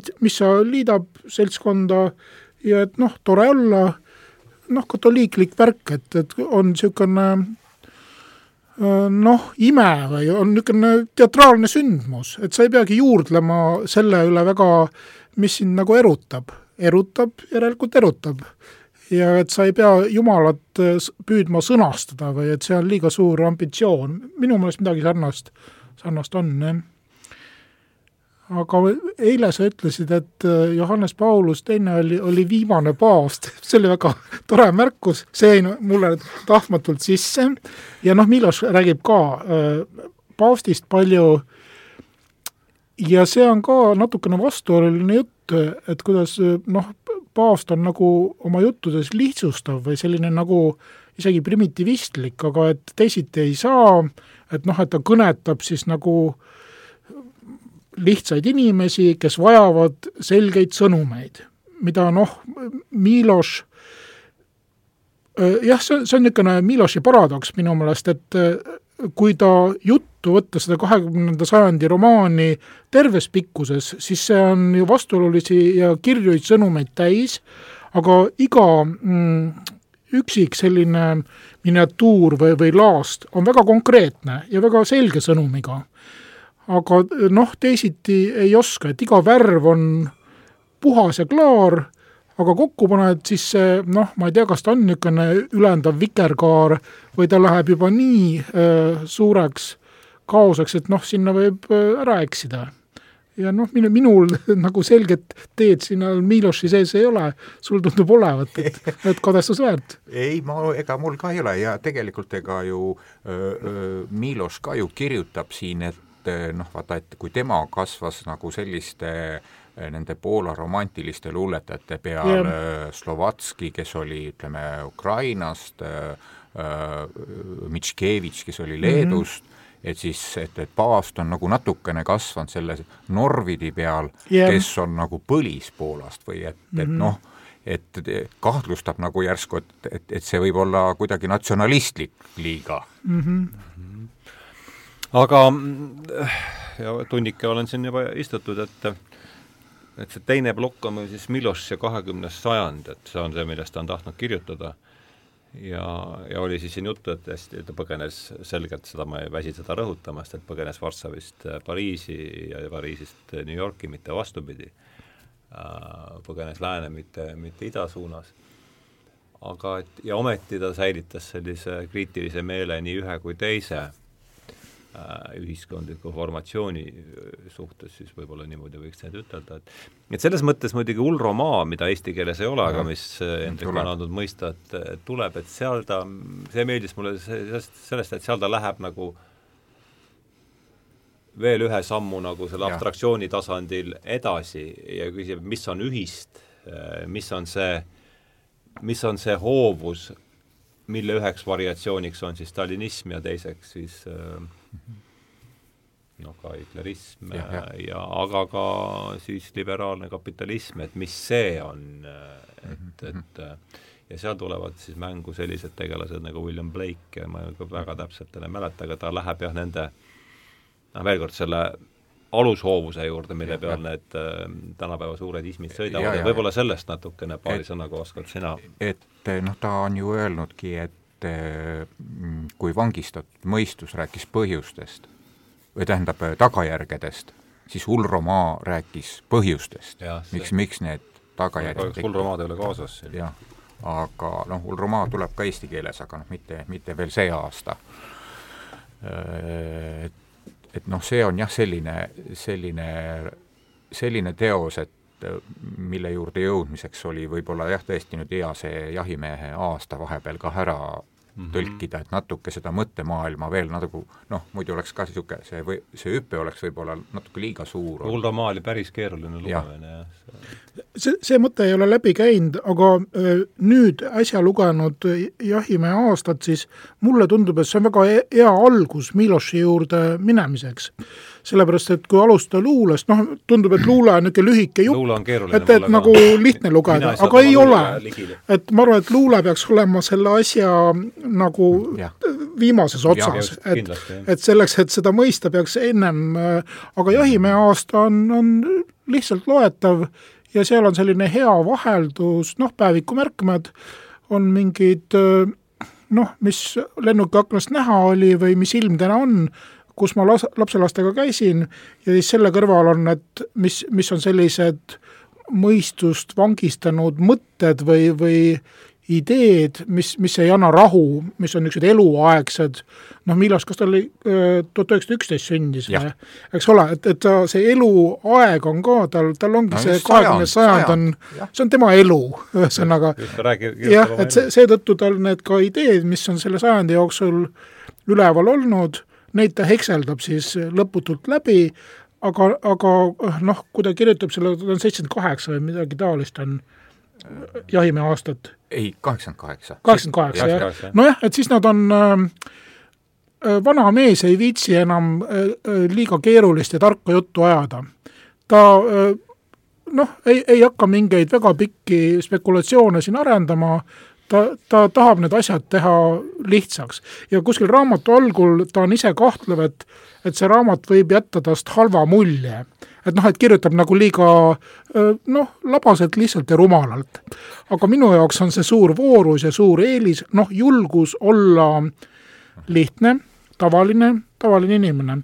ja seal see Miloši inimlik pool või niisugune noh, mis mees ta on, et minu, minu jaoks tuleb see sealt paremini välja kui nendes laastudes ja, ja, ja, ja, ja, ja noh, pretensiooni on väga vähe või, või ei ole? no see on nüüd üks isiklikumaid ja pihti, pihitimuslikumaid lihtne lugeda. Mm -hmm. aga võib-olla sul on seal paar järjehoidjat vahel, et loe meile võib-olla midagi omal äranägemisel, mis võib-olla selle kahekümne sajandi, aga noh, vaata ise, eks, et äh, mis sul sealt, et võib-olla siis tõmbaks sellele teisele kolmandikule ka siin, siin niimoodi no vaata, see kahekümnes sajand, vaata siin ongi see viieteistkümnes august tuhat üheksasada kaheksakümmend seitse, et äh, on selline lõik, et tuleb jõuda minu meeleheite põhjusteni.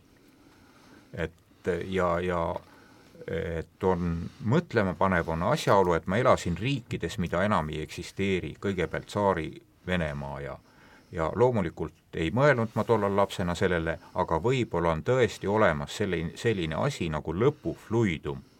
ja seda tundsin ma täiesti selgelt Volga äärses Ševi linnas tuhande üheksasaja seitsmeteistkümnenda aasta sügisel.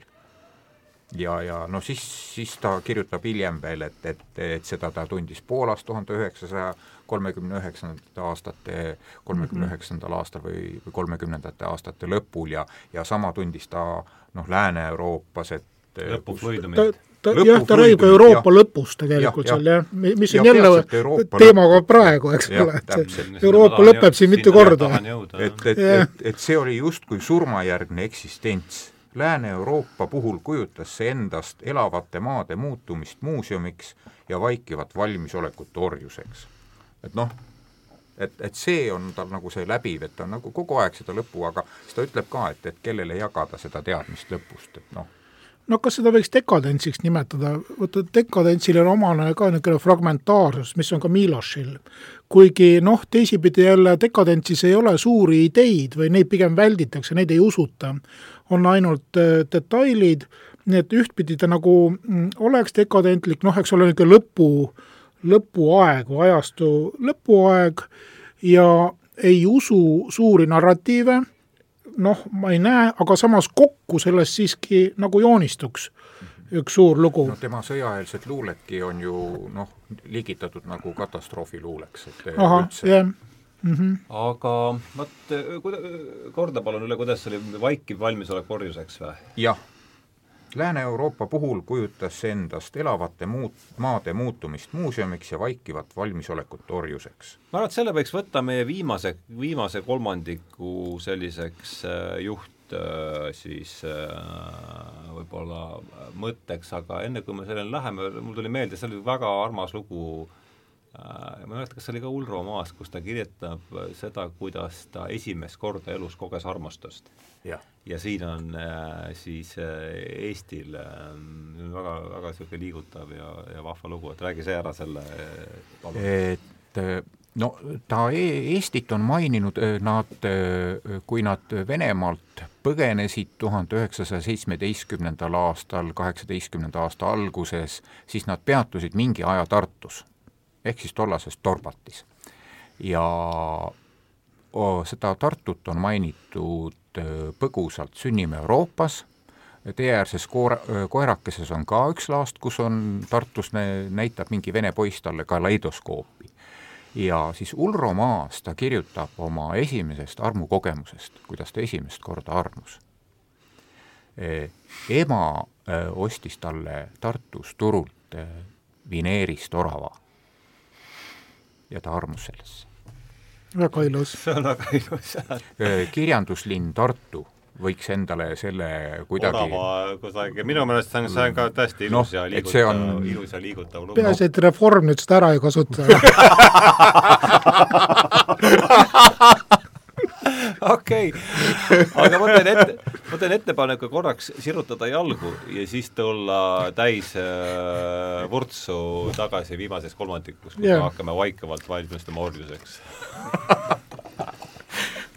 oi, reform ära kasuta. no eks ole, Tartus peab võimule ju. ja, ja, ja. Miloši oravaga no ükskõik millega mm.. oh, sa saad.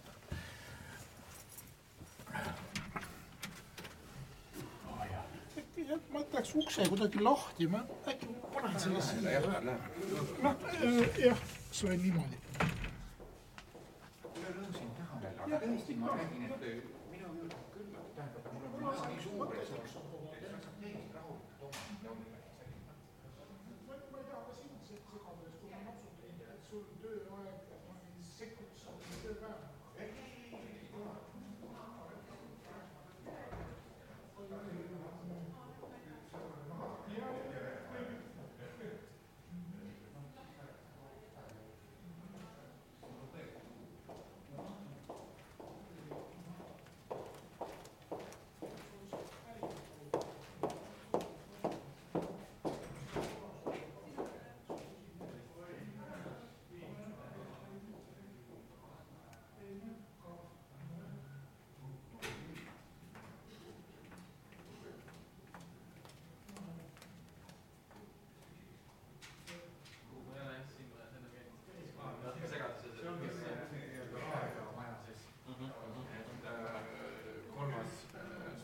Raadio, mis meil on eelnevalt jäänud Tartus, on ju, mis on siis näitel meie siis niisugune kroonivee on meie lainjuum, et see, see siis kellelgi nagu teisele ei ole, sinna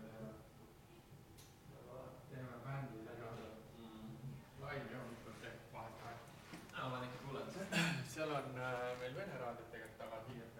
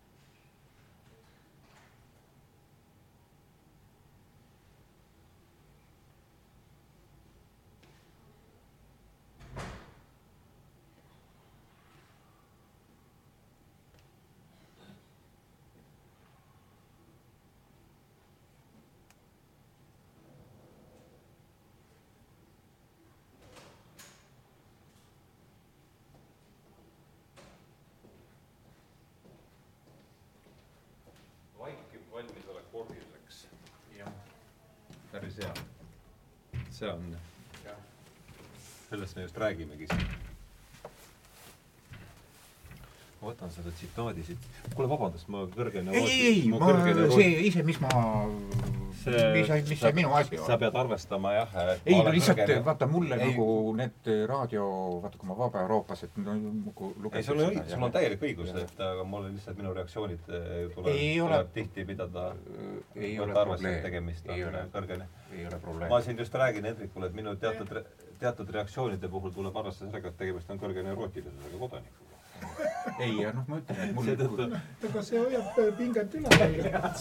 hoiab kui käimas. Vaba Euroopas vaata ma tegin, et siis nad lugesid mulle puust-punasest, mida ei tohi. sul oli täielik õigus, aga mul oleks kohe, niimoodi mida ei tohi mainida või? ei, mida, et, et, et kui sa räägid, sa ei tohi midagi suues hoida. Aa, Jaa, okei. see on täiesti seda rääkis mulle vanaema ka, aga ega siis kurat tuleb ju kohe kõige Ardo maneeridele tä- tänu nendele on isikupärased need äh, Jah, seda- saated ja etteasted. jah, et ma arvan ka, et siin on kusagil on see kuldne keste, aga ja, ja, aga ära sa seda saatesse pane. ei, selle ma võtan välja, jah et selle, selle ma lihtsalt mm -hmm. okidoki, teeme siis nii, ja tuleme siis tagasi meie vestluse kolmanda osa juurde, mis, millele võiks pannagi eraldi pealkirjaks lausa võtta sellest, sellest tsitaadist kinni, et vaikiv valmisolek orjuseks, ma arvan, et see on, see on oluline teema uh, selleks, et see asi käima lükata, võib-olla ma ütleme, see, see kolmas osa, et võib-olla ma panen ka mingid rööpad kuhugi suunas ajama, et ma olen väga palju mõelnud ühe tema lõigu peale, olen seda palju kasutanud ja ma olen selle palju peale mõelnud. See tuleb, tsitaat või lõik tuleb siis tema raamatust, mida ka see on vist seede kogumik, eks? jah, jah. Emperor of the Earth, kas see on järsku inglise keeles ongi kirjutatud või? ei ole ei ole, need on ikka poola keeles ikka kirjutatud, jah. no ütleme, et tal on üksikud, näed see Simon Wile'i essee on no, inglise keeles vot jah, sellest ma tahangi rääkida jah, et see essee, kus see lõik tuleb, mis on mulle, mida ma olen, mille ma olen tõesti palju mõelnud ja olen kasvatanud ja oma kirjutises paar korda, The Importance of Simon Weil, on siis Simon Weili tähtsusest, Simon Weil, kes oli, võib-olla oskabki, oskab ei, ma nüüd nii täpselt ei oska, aga, aga, aga igal juhul Milos äh, Milosi jaoks on ta oluline, oli siis prantsuse, prantsuse, noorelt surnud prantsuse naiskirjanik. jah, või filosoof isegi võib öelda mingi jah, filosoof pigem, jah. Ja tema siis on öelnud, siin on see mõte ja ma arvan, et see sobib seal sissejuhatuseks sellele vaikivale või siis sellele vaikivale valmisolekule, et et kui me vaatame inimese olukorda kaks tuhat, Hiobi olukorda, eks, et noh, ta oli äh, poolt eriti kadestamisväärne, eks, et äh, iga hetk võis tulla äh, jumala nuhtlus siis äh, aga ta ei murdunud. aga ta ei murdunud, jah. igal hetkel võis tulla siis äh, jumala nuhtlus, kas looduskatastroofi või siis äh, nakkushaigusega, no vaatame siin Tammsaare lapsi või siis neid Varga, Vargamäe lapsigi, tuli difteeria, läksid äh, noh, võis terve pere minna lapsi no. sealt niimoodi ja, ja et aga et nüüd, nüüd ütleme siin kahekümnendal sajandil me oleme paljuski vähemasti ühel osa, ühes osas maailmast oleme me ennast nendest asjadest lahti rebinud, loodus meid eriti ei ähvarda aga selle loodusest vabanemise käigus oleme me ehitanud üles selle uue taeva, äh, mis on siis noh, kus on siis praegu ütleme, selliseks ähvardamavaks on need tohutud võlanullid. ja et see võlataevas võib meile äh, äh, kas see on see meie taeva vundament, on meie võla no see on lihtsalt üks, üks kujund, ütleme, see on no siis, et see, sisuliselt me räägime, sisuliselt me räägime, see, ütleme, see on, võlataevas on muidugi kujund, aga sisuliselt me räägime ülipeenest rahvusvahelisest tööjaotusest. no pole mitte ainult inimeste võlad, aga riikidel on võlad no, ja kõik on ärme sellesse võlga kinni jää, võlg on seal pigem ja, lihtsalt okay, see, see kokkuvõttev kujund, eks no,, aga et no me räägime, me oleme looduse jõududest vabanenud, vähemasti väiksel osal maailmas, äh, tänu sellele, et meil on see, see tööjaotussüsteem on niivõrd välja timmitud ja samas niivõrd hoomamatu ja kui see ükskord majanduskriisina kinni jookseb, siis see võib meid lömastada siin täpselt samamoodi. Mm, see kõlab ka nagu osa loodusest, et loodus on meie peas ka, et ega ta ei maga, ta uueneb, viirused kogu aeg arenevad. just nimelt ja, ja nad võivad meid tabada sellistes kohtades, kus me iialgi yeah., kus me iialgi ei oota ja ja võib-olla see ongi see, no jällegi äh,, ei hakka üritamagi nüüd täpset küsimust siin et formuleerida, aga et võib-olla jah, et äh, nende rööbaste peal kumbki tahab ehk edasi liikuda. no ega ma, ma et ühesõnaga põhimõtteliselt kokkuvõte on see, et, et meie inimlik olukord ei ole võrreldes Hiobi omaga väga palju muutunud ja ega ta vist ei saagi väga muutuda. muuseas, Jossif Brodski on kirjutanud, et eh, kui Milošit kellegagi võrrelda, siis mingi piibli kujuga ja kui, siis Hiobiga mm. -hmm. Hiobiga, jah. no kuigi suuresti on tunne, et, et Miloš mõtles oma kannatused iseendale välja, ma ei tea, kas ma olen ülekohtune. ei, ei, ei, no tähendab ja, ja. Janka haigus oli ikkagi väga rusuv no kümme aastat vist jah, niisugust pidevat ja niisugune süvenev Alžeimer ja, ja noorem poeg äh, oli skisofreenik ja vist tappis ennast ära ja noh, ja, ja, ja, ja, mm -hmm. ja noh, kõik, kõik, kõik muud ikka ka, kõik see noh, ütleme, et see, mis ta nagu Prantsusmaal nagu elas, noh, siin ta kirjutab ka sellest katsumusest, et ta yeah. jah, aga, aga ta ei räägi, et kirjutamine oleks eskapism, pigem, pigem ta räägib ikkagi eneseanalüüsist või sellisest lõputust noh, nii mõtete kui hingeasjade eritlemisest et see ei, ei ole põgenemine tema jaoks. võib-olla see, sellepärast ta ei teegi siis hiljem ilukirjandust, mis on võib-olla rohkem äh, põgenemine, aga ta jääb nagu noh, mõtete, mõtteanalüüsi juurde. küll aga väldib siis jah, vot äh, jah, ma, ma ei teadnud ta elust neid detaile, et aga neid ta just väldibki, eks ole, väga harva, kui ta noh, ta, ta mm. niimoodi absoluutselt ei väldi, ta ei noh, ei mm -hmm peida neid, ta ei too neid esile või ta, ta ei no, hakka nei, neist oma niimoodi... selle noorema poja probleemidest yeah. ei ole ta minu teada kunagi kirjutanud yeah.. Mm -hmm. noh, Jankas siin, siin ääri-veeri natukene, natukene on, aga väga delikaatselt. jah mm -hmm. mm -hmm. yeah.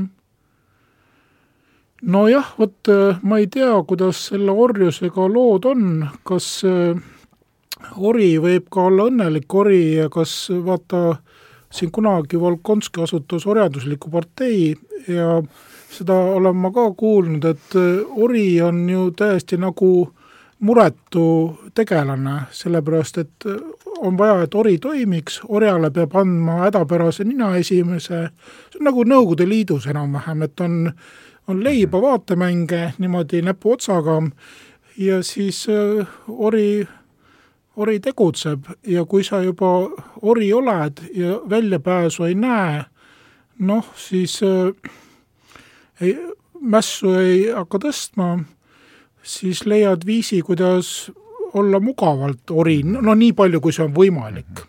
Mrožek oma näidendis Vatslav, siis seal peategelane arutabki, et, et kuidas olla ori või mitte olla ori, et Aha. aga et ori olla, et, et see on nagu olla kuskil haisu sees, aga noh, et haisu kätte ei ole keegi ära surnud no vot, ma ei tea, no võib-olla need olid mul liiga nihilistlikud mõtted, need, sulle, ma näen su pilgust, et sulle, Ardo, ei meeldi need mõtted. ei, vastupidi, ei, ma kuule orjus on tore.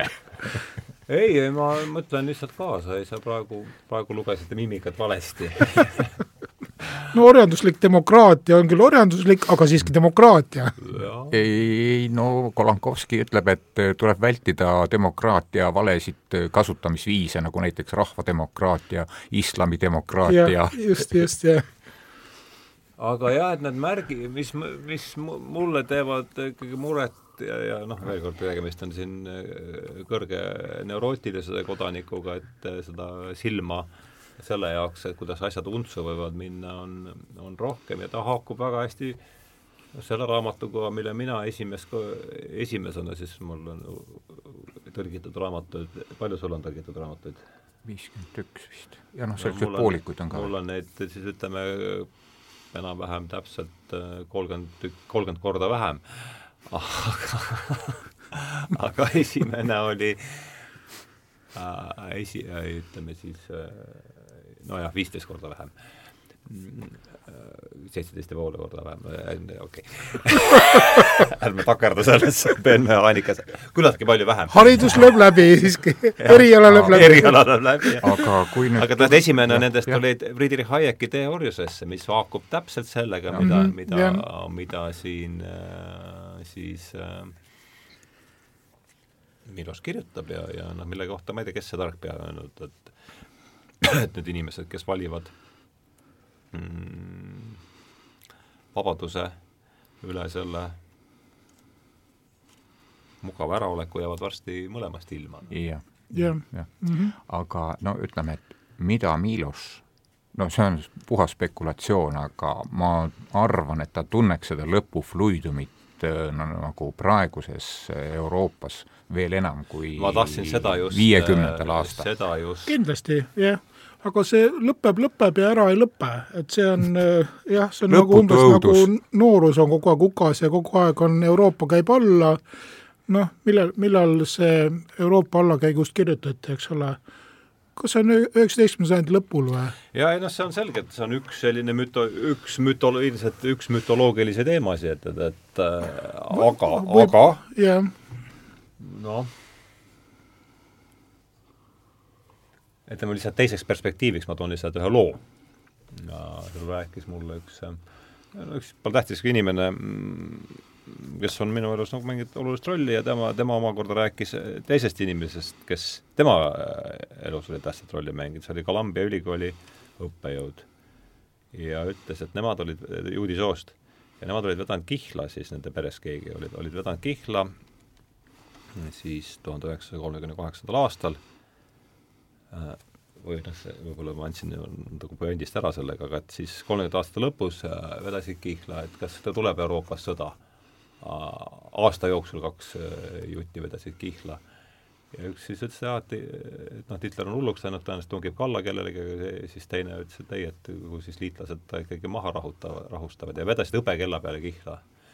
ja, ja siis ta näitas seda hõbekella, kuhu oli siis graveeritud, et the war that never happened, August nineteen thirty nine et mis ma sellega tahan ütelda, et jah, see mütoloogiline teema allakäik on olemas ja noh, seda nii kaua, ilmselt nii kaua, kui me siit hakkame Homerosest tulema äh,, on see olemas, eks, aga aga, aga noh, mingites ikkagi sellised katkevuskohad on, on ka olemas ja kui ta rääkis, eks, sellest kolmekümnendate aastate lõpu, lõpufluidumist, siis ta nägi ette seda, et mingi niisugune Nietzschelik kärgatus on, on ja, äh, sündimas. ja, ja tema see sugulane Oskar Miloš ju no, see, see ju selgelt nägi ette, et äh, tuleb see apokalüptiline sõda varsti, aga noh, ta suri kolmekümne üheksanda aasta keskel mm., aga ta nägi ju selgelt ette, et noh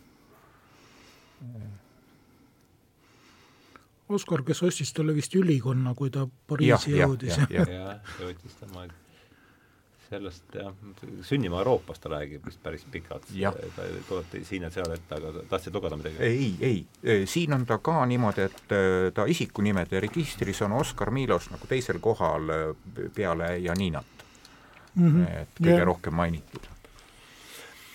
aga hästi, et siis äh, noh, Milos ja kahekümne esimene sajand ja, ja noh, oli mõte, et, et tõenäoliselt seda lõpufluidumi mul on ka niisugune tunne, et ta tunneks seda äh, rohkem kui no kui meiegi juba seda tunneme. jah, kui meiesugusedki seda, nojah, okei okay..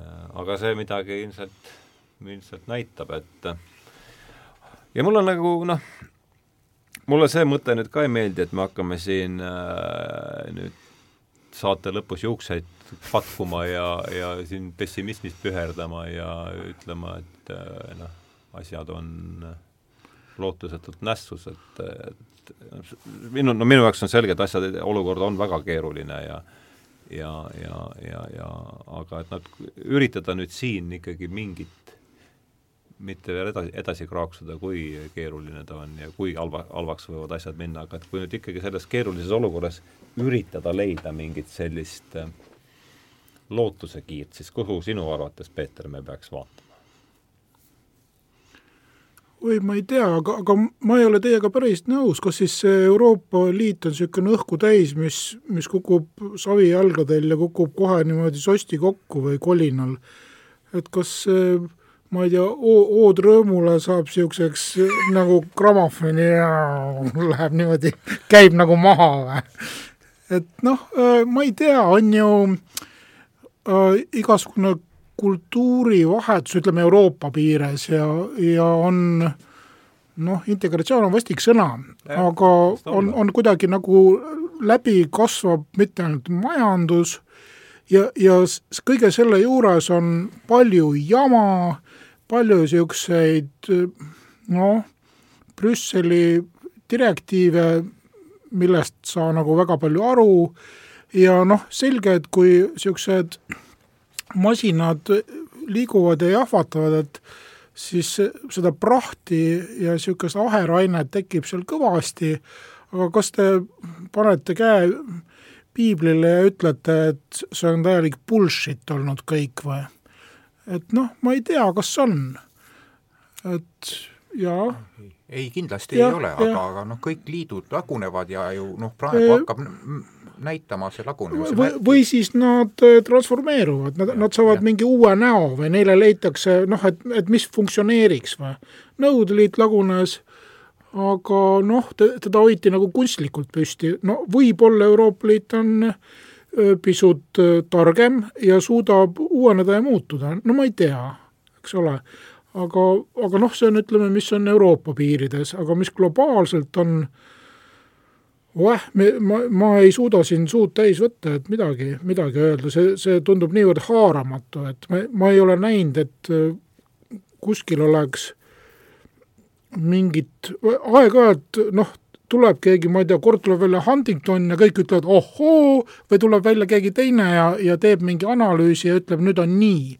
ja nagu korraks võibki tunduda, et, et nüüd, nüüd on nii, aga siis kiiresti selgub, et on, on, on võib-olla küll, aga on veel, veel paari moodi. et asju, asju niimoodi ühele istu alla tõmmata on väga keeruline. see on täpselt sama, millest enne rääkis, et sõnadel on, tundub, et see on keele sisse ehitatud, et tuleb ja. mingi sõna jah ja, si siis, siis see nagu vangistab meid tükiks ajaks ja noh, nagu uus äh, rock n roll tuleb välja ja see tundub õige asi.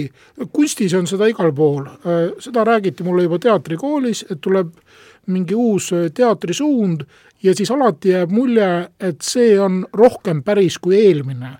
et see on rohkem tõeline, see kuidagi avab tegelikkust rohkem ja mis võib olla ka tõsi, aga see on selline subjektiivne tunne või, või me oleme, see kuidagi kannab meid mingil langeharjal, laineharjal ja võib-olla on samamoodi tead, poliitökonoomikas või, või filosoofias või, või sellistes globaalsete või noh, arusaamades äh, suurtest äh, ühiskondlikest liikumistest, et et me usume midagi ja võib-olla see ei ole paha, et me usume, olgu see siis ma isegi küsiksin niimoodi, et kuidas saab olla seal nendes valdkondades, mis sa siin ütlesid, poliitökonoomias, kuidas seal saab üldse, kuidas seal saaks põhimõtteliselt olla teisiti kui, kui kunstis ja, ja mujal, sest no jah, in, inimesed teevad seda kõike ja mõtlevad, et see küll, küllap jah, et aga siis, siis need tõesti käivad maha, väsivad ära, lagunevad, neid peab uuendama noh, aga siin noh, millal Marx millenniumi mõtleja jaoks kuulutati, see oli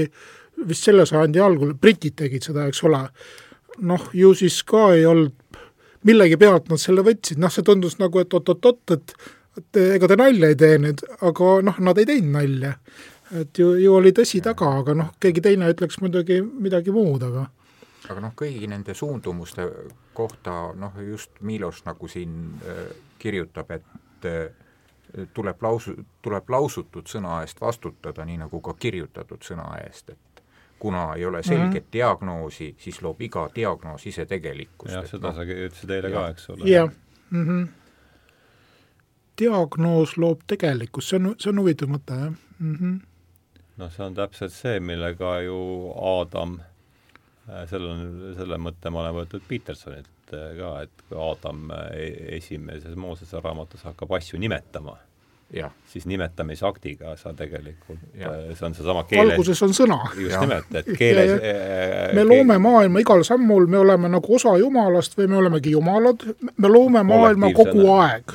et see on protsess, et just, just, jah, see on päris hästi ilusti ja väga elegantselt sõnastatud. Peaaegu nagu Kolakowski. kamba peale anname pool kolak-, veerand Kolakowskit siin jutuajamise lõpuks lõpus kokku. ma ei tea, kas kola või siis Komski, et kumma poole anname, aga jaa, et ähm, ei, no vastuseks sinu küsimusele, et kas ma arvan, et kõik äh, see, mis on selle tähelipu noh, sa rääkisid põrguteest eile. jah, seda ma rääkisin, jah. ma rääkisin ja, ja ma arvan, et äh, mul on üks küsimus sulle, kui, kui põrgutee on sillutatud heade, heade kavatsustega, siis missugune tee viib paradiisi? selle kohta on mul küll vastus olemas. ja see, see tuleb siitsamast kus raamatust. Jahimehe aastast kus ta tsiteerib Swedenborgi Jah. ja ütleb, et ilmselt on õnnelik abielu ainus maapealse paradiise vorm. see on noh, ütleme, me vahetasime nüüd diskursust päris järsult See oli hüpe. see oli hüpe. no sul läheb hästi, Hardo, ma saan aru kadestusväärne see on kõige puit, klaas, plaat, et aga no siin ei ole puitu ära pahanda. ei, ei, ma ei vaata otsa, vastupidi. Ja aga ma arvan, et see mm -hmm. inimlik õnn või ütleme, individuaalne noh, kui ma kirjutan ja olen õnnelik, siis ma ei peaks rohkem küsima seda õnne veel kogu inimkonnale või, või noh, et, et ma mõistaks ka Jumalat või kui noh, see on see faustilik asi, et on, on hea või kaunis hetk viibib veel, siis ära hakka ütlema, et liiga vähe, et sellest ei ole küll, see on nagu Ants Ablas ütleb, et on hea küll, aga ei ole piisavalt hea. nojah Äh, Mrožek äh, ühes oma vestes, mille pealkiri on Minu kolm antipaatiat ja need antipaatiad on siis Prometheus, doktor Faust ja Lucifer.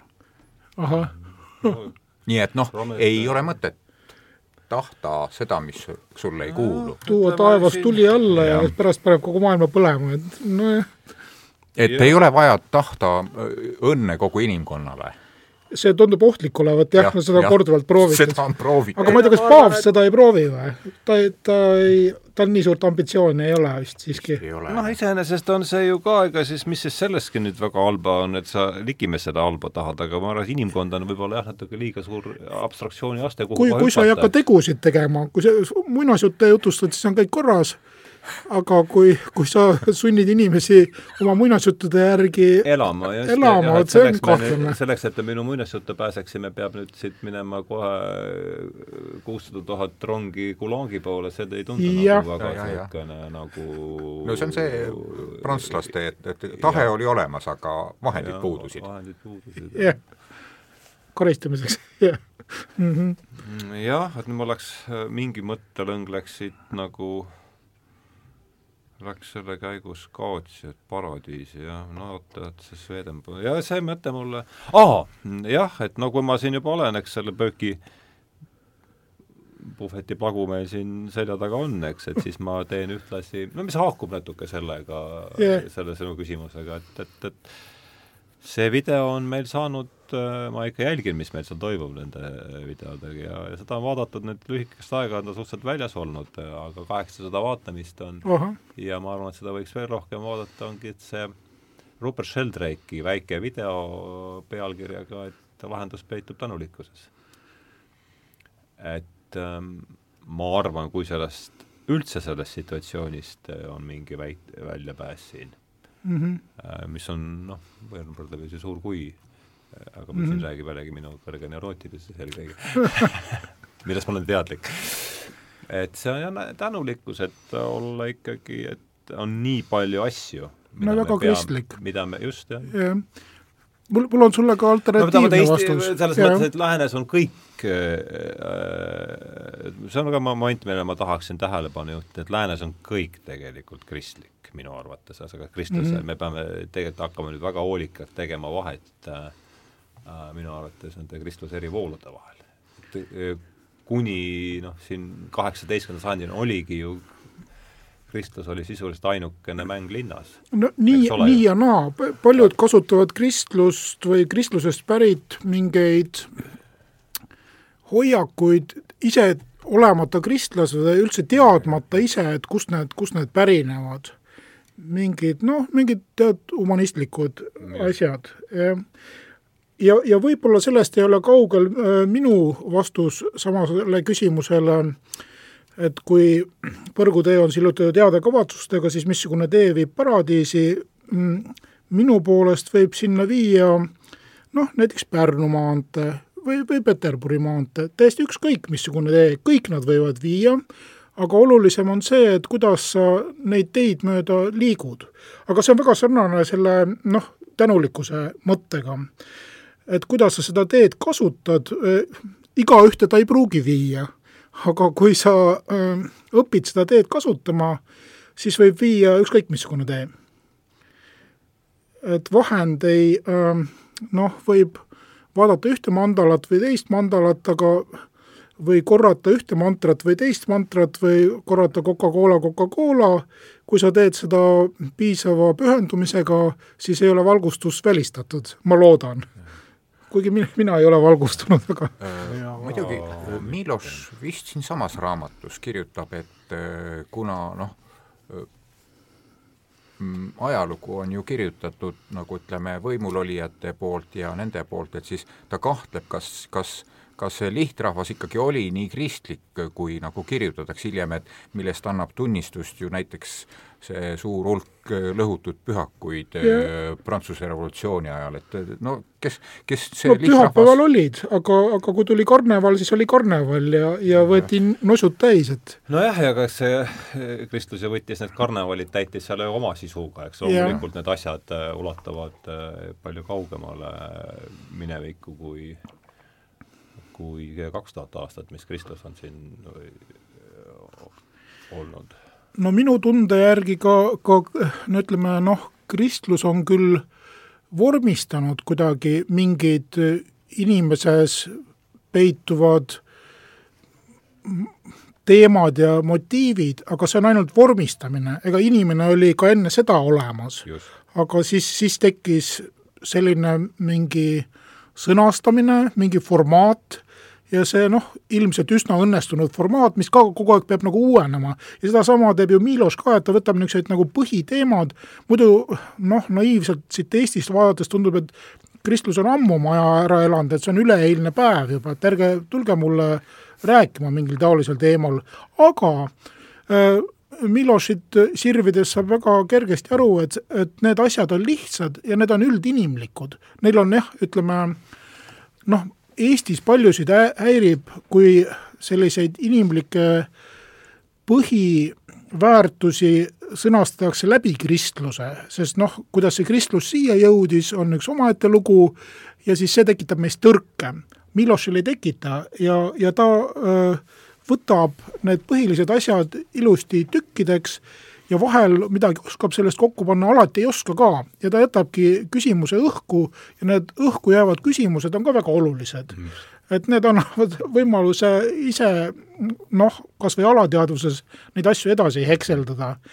et see noh, Miloš annab palju koduseid ülesandeid mm., mis on tänuväärne. ei, väga õige, väga ilusti öeldud. jah ja,, tähendab, oligi, ega see Miloši tõlkimine no see oli nagu selline pidev töö, et ta, no sa läksid pärast tõlkimistel välja toimetama, aga ta kuskilt taga nagu käis veel, et oi, mis ta rääkis selle kohta, et noh, ta lükkas nagu mingid asjad käima.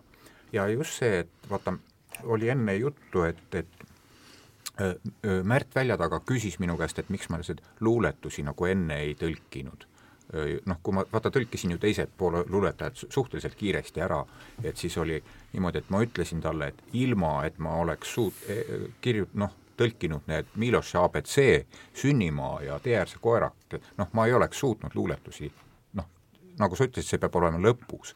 ja, ja kui ta ütleb, et, et see on noh, religioosne luuleluus siiski oma põhiolemuselt, et et, et noh, see on just see, et kuhu ta nagu see, mida ta loeb oma mm. äh, loomingu ekstraktiks. aga mitte dogmaatiline või ta, ta ei, ei ole üheski asjas, jah, jah, jah. noh, dogmaatiliselt no ilmselt religioossus selle inimkogemuse saada sama kvintessentsina ja, ja, ja sellena, et mis siis on see, et mis on jäänud et peab olema vertikaalne mõõde. miks ta piiblit tõlkis, mina ei ole aru saanud, kas tal tehti, anti tellimused või ta tõlkis see... psalmid, eks ole. mingi, mingi jupi tõlkis, aga, aga see ei olnud ju tema oma initsiatiiv või? ei, ikka pooleldi ahah.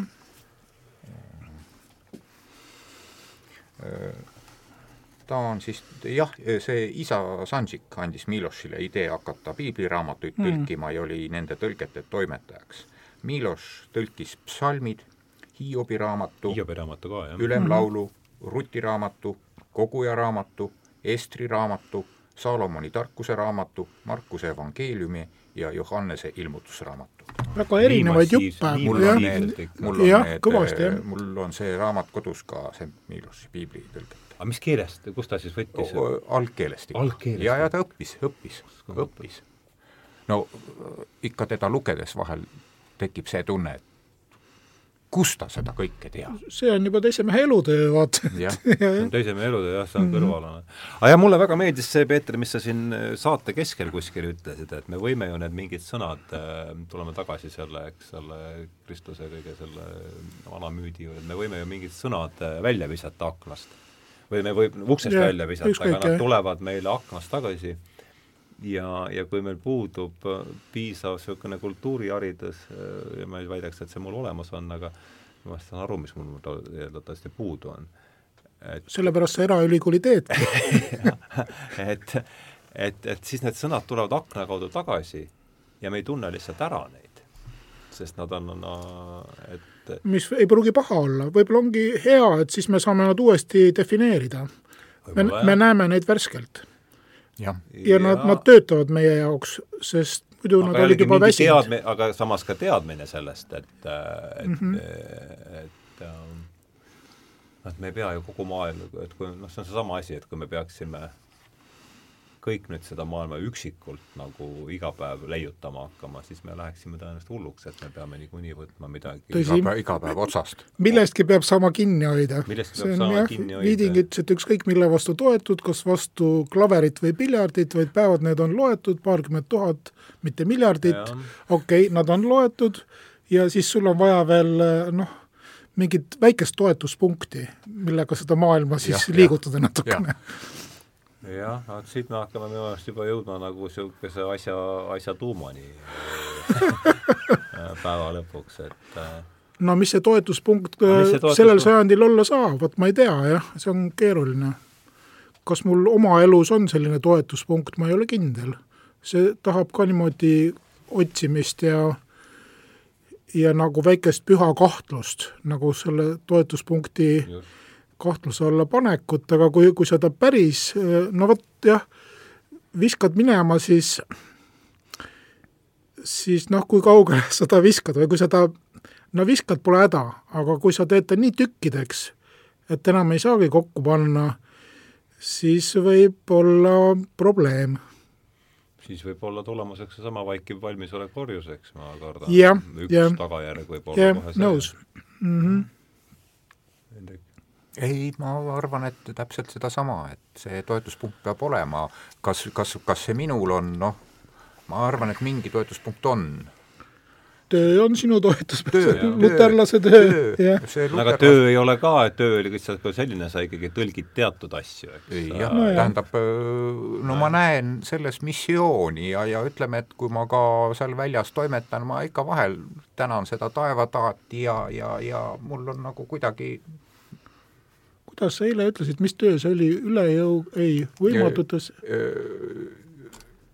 üliinimlik töö ebainimlikes tingimustes. suurepärane. luterlase, luterlase või viis õndsaks saada, jah no et see on, tuleb sellest, et vaata Poola lõunaosas on väike kogukond protestante kes on mitu korda usklikumad kui katoliiklased, kes, ke, kes peavad katoliiklasi üldse mingiks ilbakateks. no Jerzy Pilh on sellest kirjutanud ja Jerzy Pilh on kirjutanud just sellest samast, sellest väljendist, et see oli näiteks, ta toob näiteks, kuidas tema isa värvis maja redeli otsas. ja selleks, et mitte kallist tööaega raisku lasta, viis ema talle lõuna ülesse. Ja pulgad, pulgad kulusid tegelikult rohkem ikkagi, ei, ei kulunud rohkem, sama palju. Okei.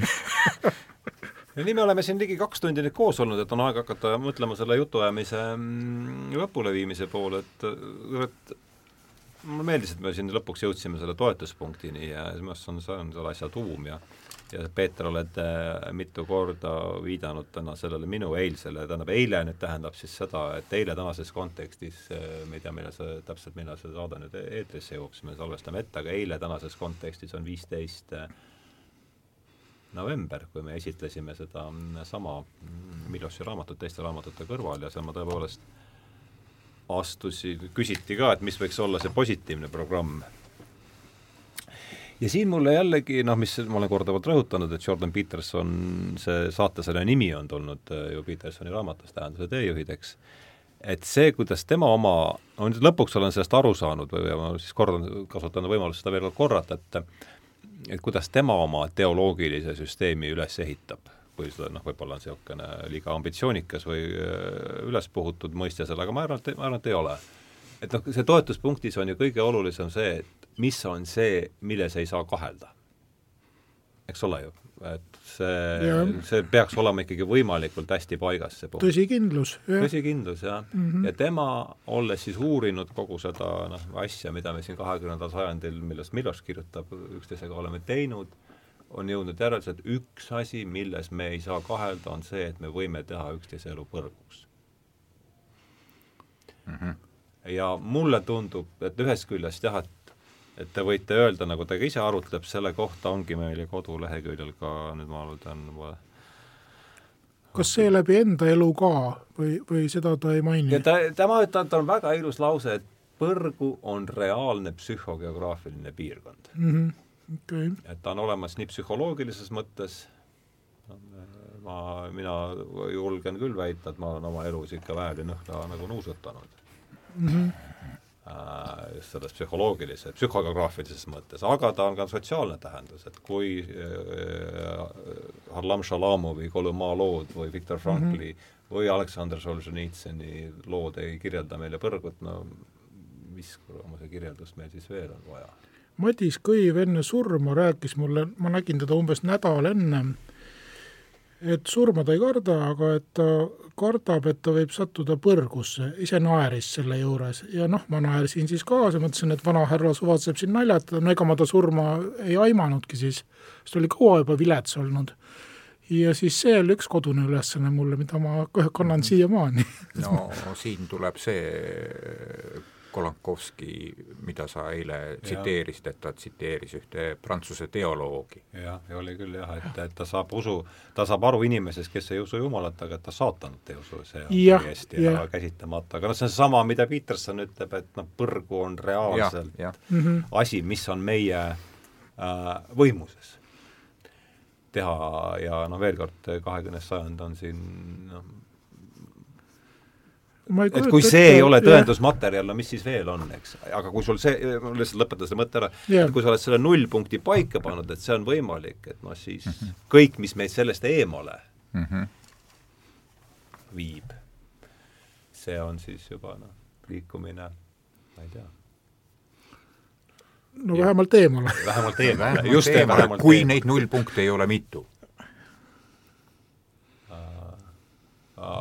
ütle edasi palun, anna. ei, ma, see oli no mingil abstraktsiooni tasemel võid sa kõik need põrgu eralisi ikkagi tuua kokku ja. üheks, üheks, üheks asjaks, et ja. kõik, mis meid sealt täpselt jah, et kõik, mis meid seal eemale viib, viib meid sealt äh, eemale, eemale ja, ja see ja. on ja, ja noh, siis eile ju küsiti ka seda, et positiivse programm on kahju, et see see ütlemata jäi, aga mis me käisime siin kuul-, prouaga käisime ju paar nädalat tagasi eh, Dublinis Sheldrake'i kuulamas.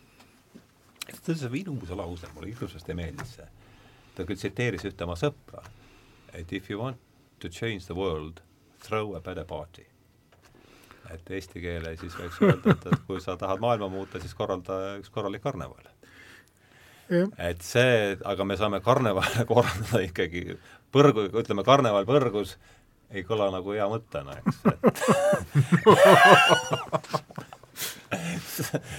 et, et, et kõigepealt no kuidagi noh, seal on muidugi veel see, et mingi party on nagunii kellelgi kuskil, aga throw a better party. et, et äh, väljakutse. just, et just seesama ikkagi see ülendav pool, äh, ma, ma, ma olen täiesti nõus sellega, et see nüüd äh, teatud inimtüüpi see väga ei motiveeri, mind motiveerib küll täiesti, et põrgusse mitte sattuda mm. -hmm aga, aga teatud inimtüüpi see ilmselt ikkagi nii väga ei hingesta, et seal on see korralik parem karneval on, ma arvan, nagu selline ka ikka väga oluline, väga oluline pool. ma ei tea, et mis sa sellest mõttest arvad? ma arvan, et see ongi nii, jah. jah, mulle klapib, jah. Noh, no pa-, paremal juhul saaks põrgut kuidagi natukene remontida, et põrgut teha noh te, temperatuuri teha vastuvõetavamaks või umbes niimoodi. Ma sellesse projekti väga ei et, et haisu oleks vähem või?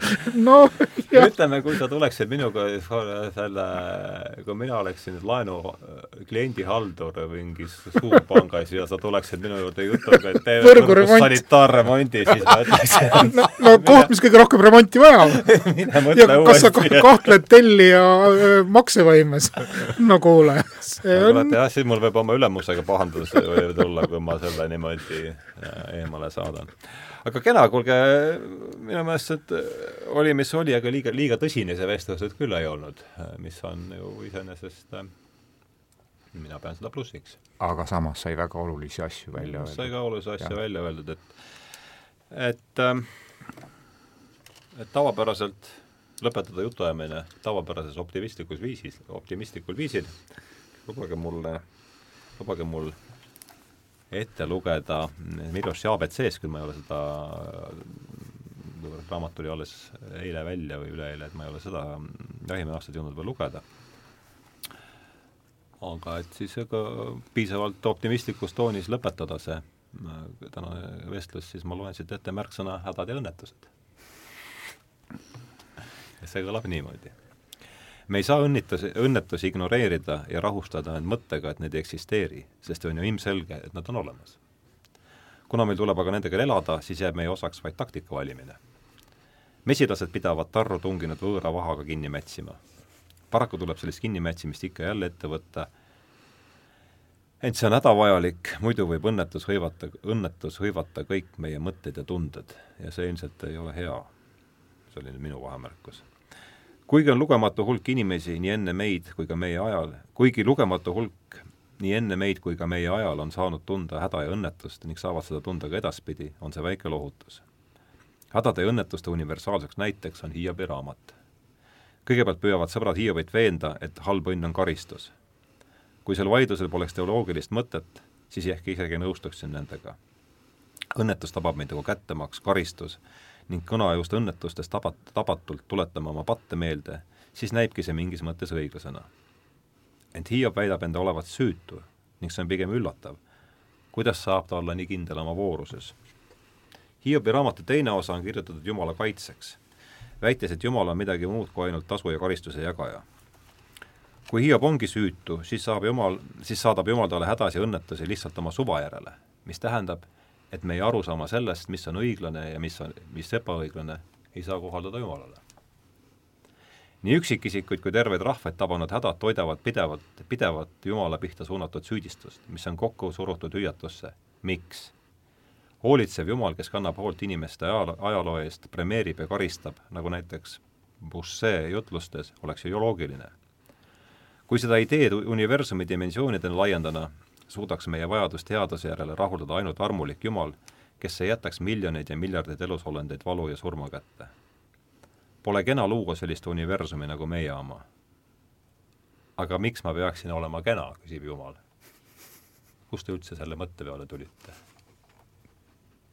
hädad ja õnnetused lihtsalt on ning kui te need vahaga kinni mätsite, siis pole teil puhas südametunnistust, sest võib-olla tuleks kogu tähelepanu ja jõud hädadele ja õnnetustele pühendada. Ja enda kaitseks saate, enda kaitseks saate öelda vaid, ma tahan elada. jah, see on päris ilus kokkuvõte, ma arvan, tänasele vestlusele. Enda arvates mis mis on, oli pühendatud küll Jah. siis Tšeslav Miloši teisele raamatule, mitte sellele, kus ma selle lõigu ette lugesin, see oli pühendatud mis Tšeslav Miloši äsja ilmunud raamatule Jahimehe aasta ja minu vestluspartneriteks olid täna siis Hendrik Lindepuu, Peeter Sauter, eetris oli Tähenduse teejuhtide õige mitmes saade ja tänan teid kuulamast ja tänan teid tulemast ja mul, minul oli vahva teiega koos olla. aitäh! sama.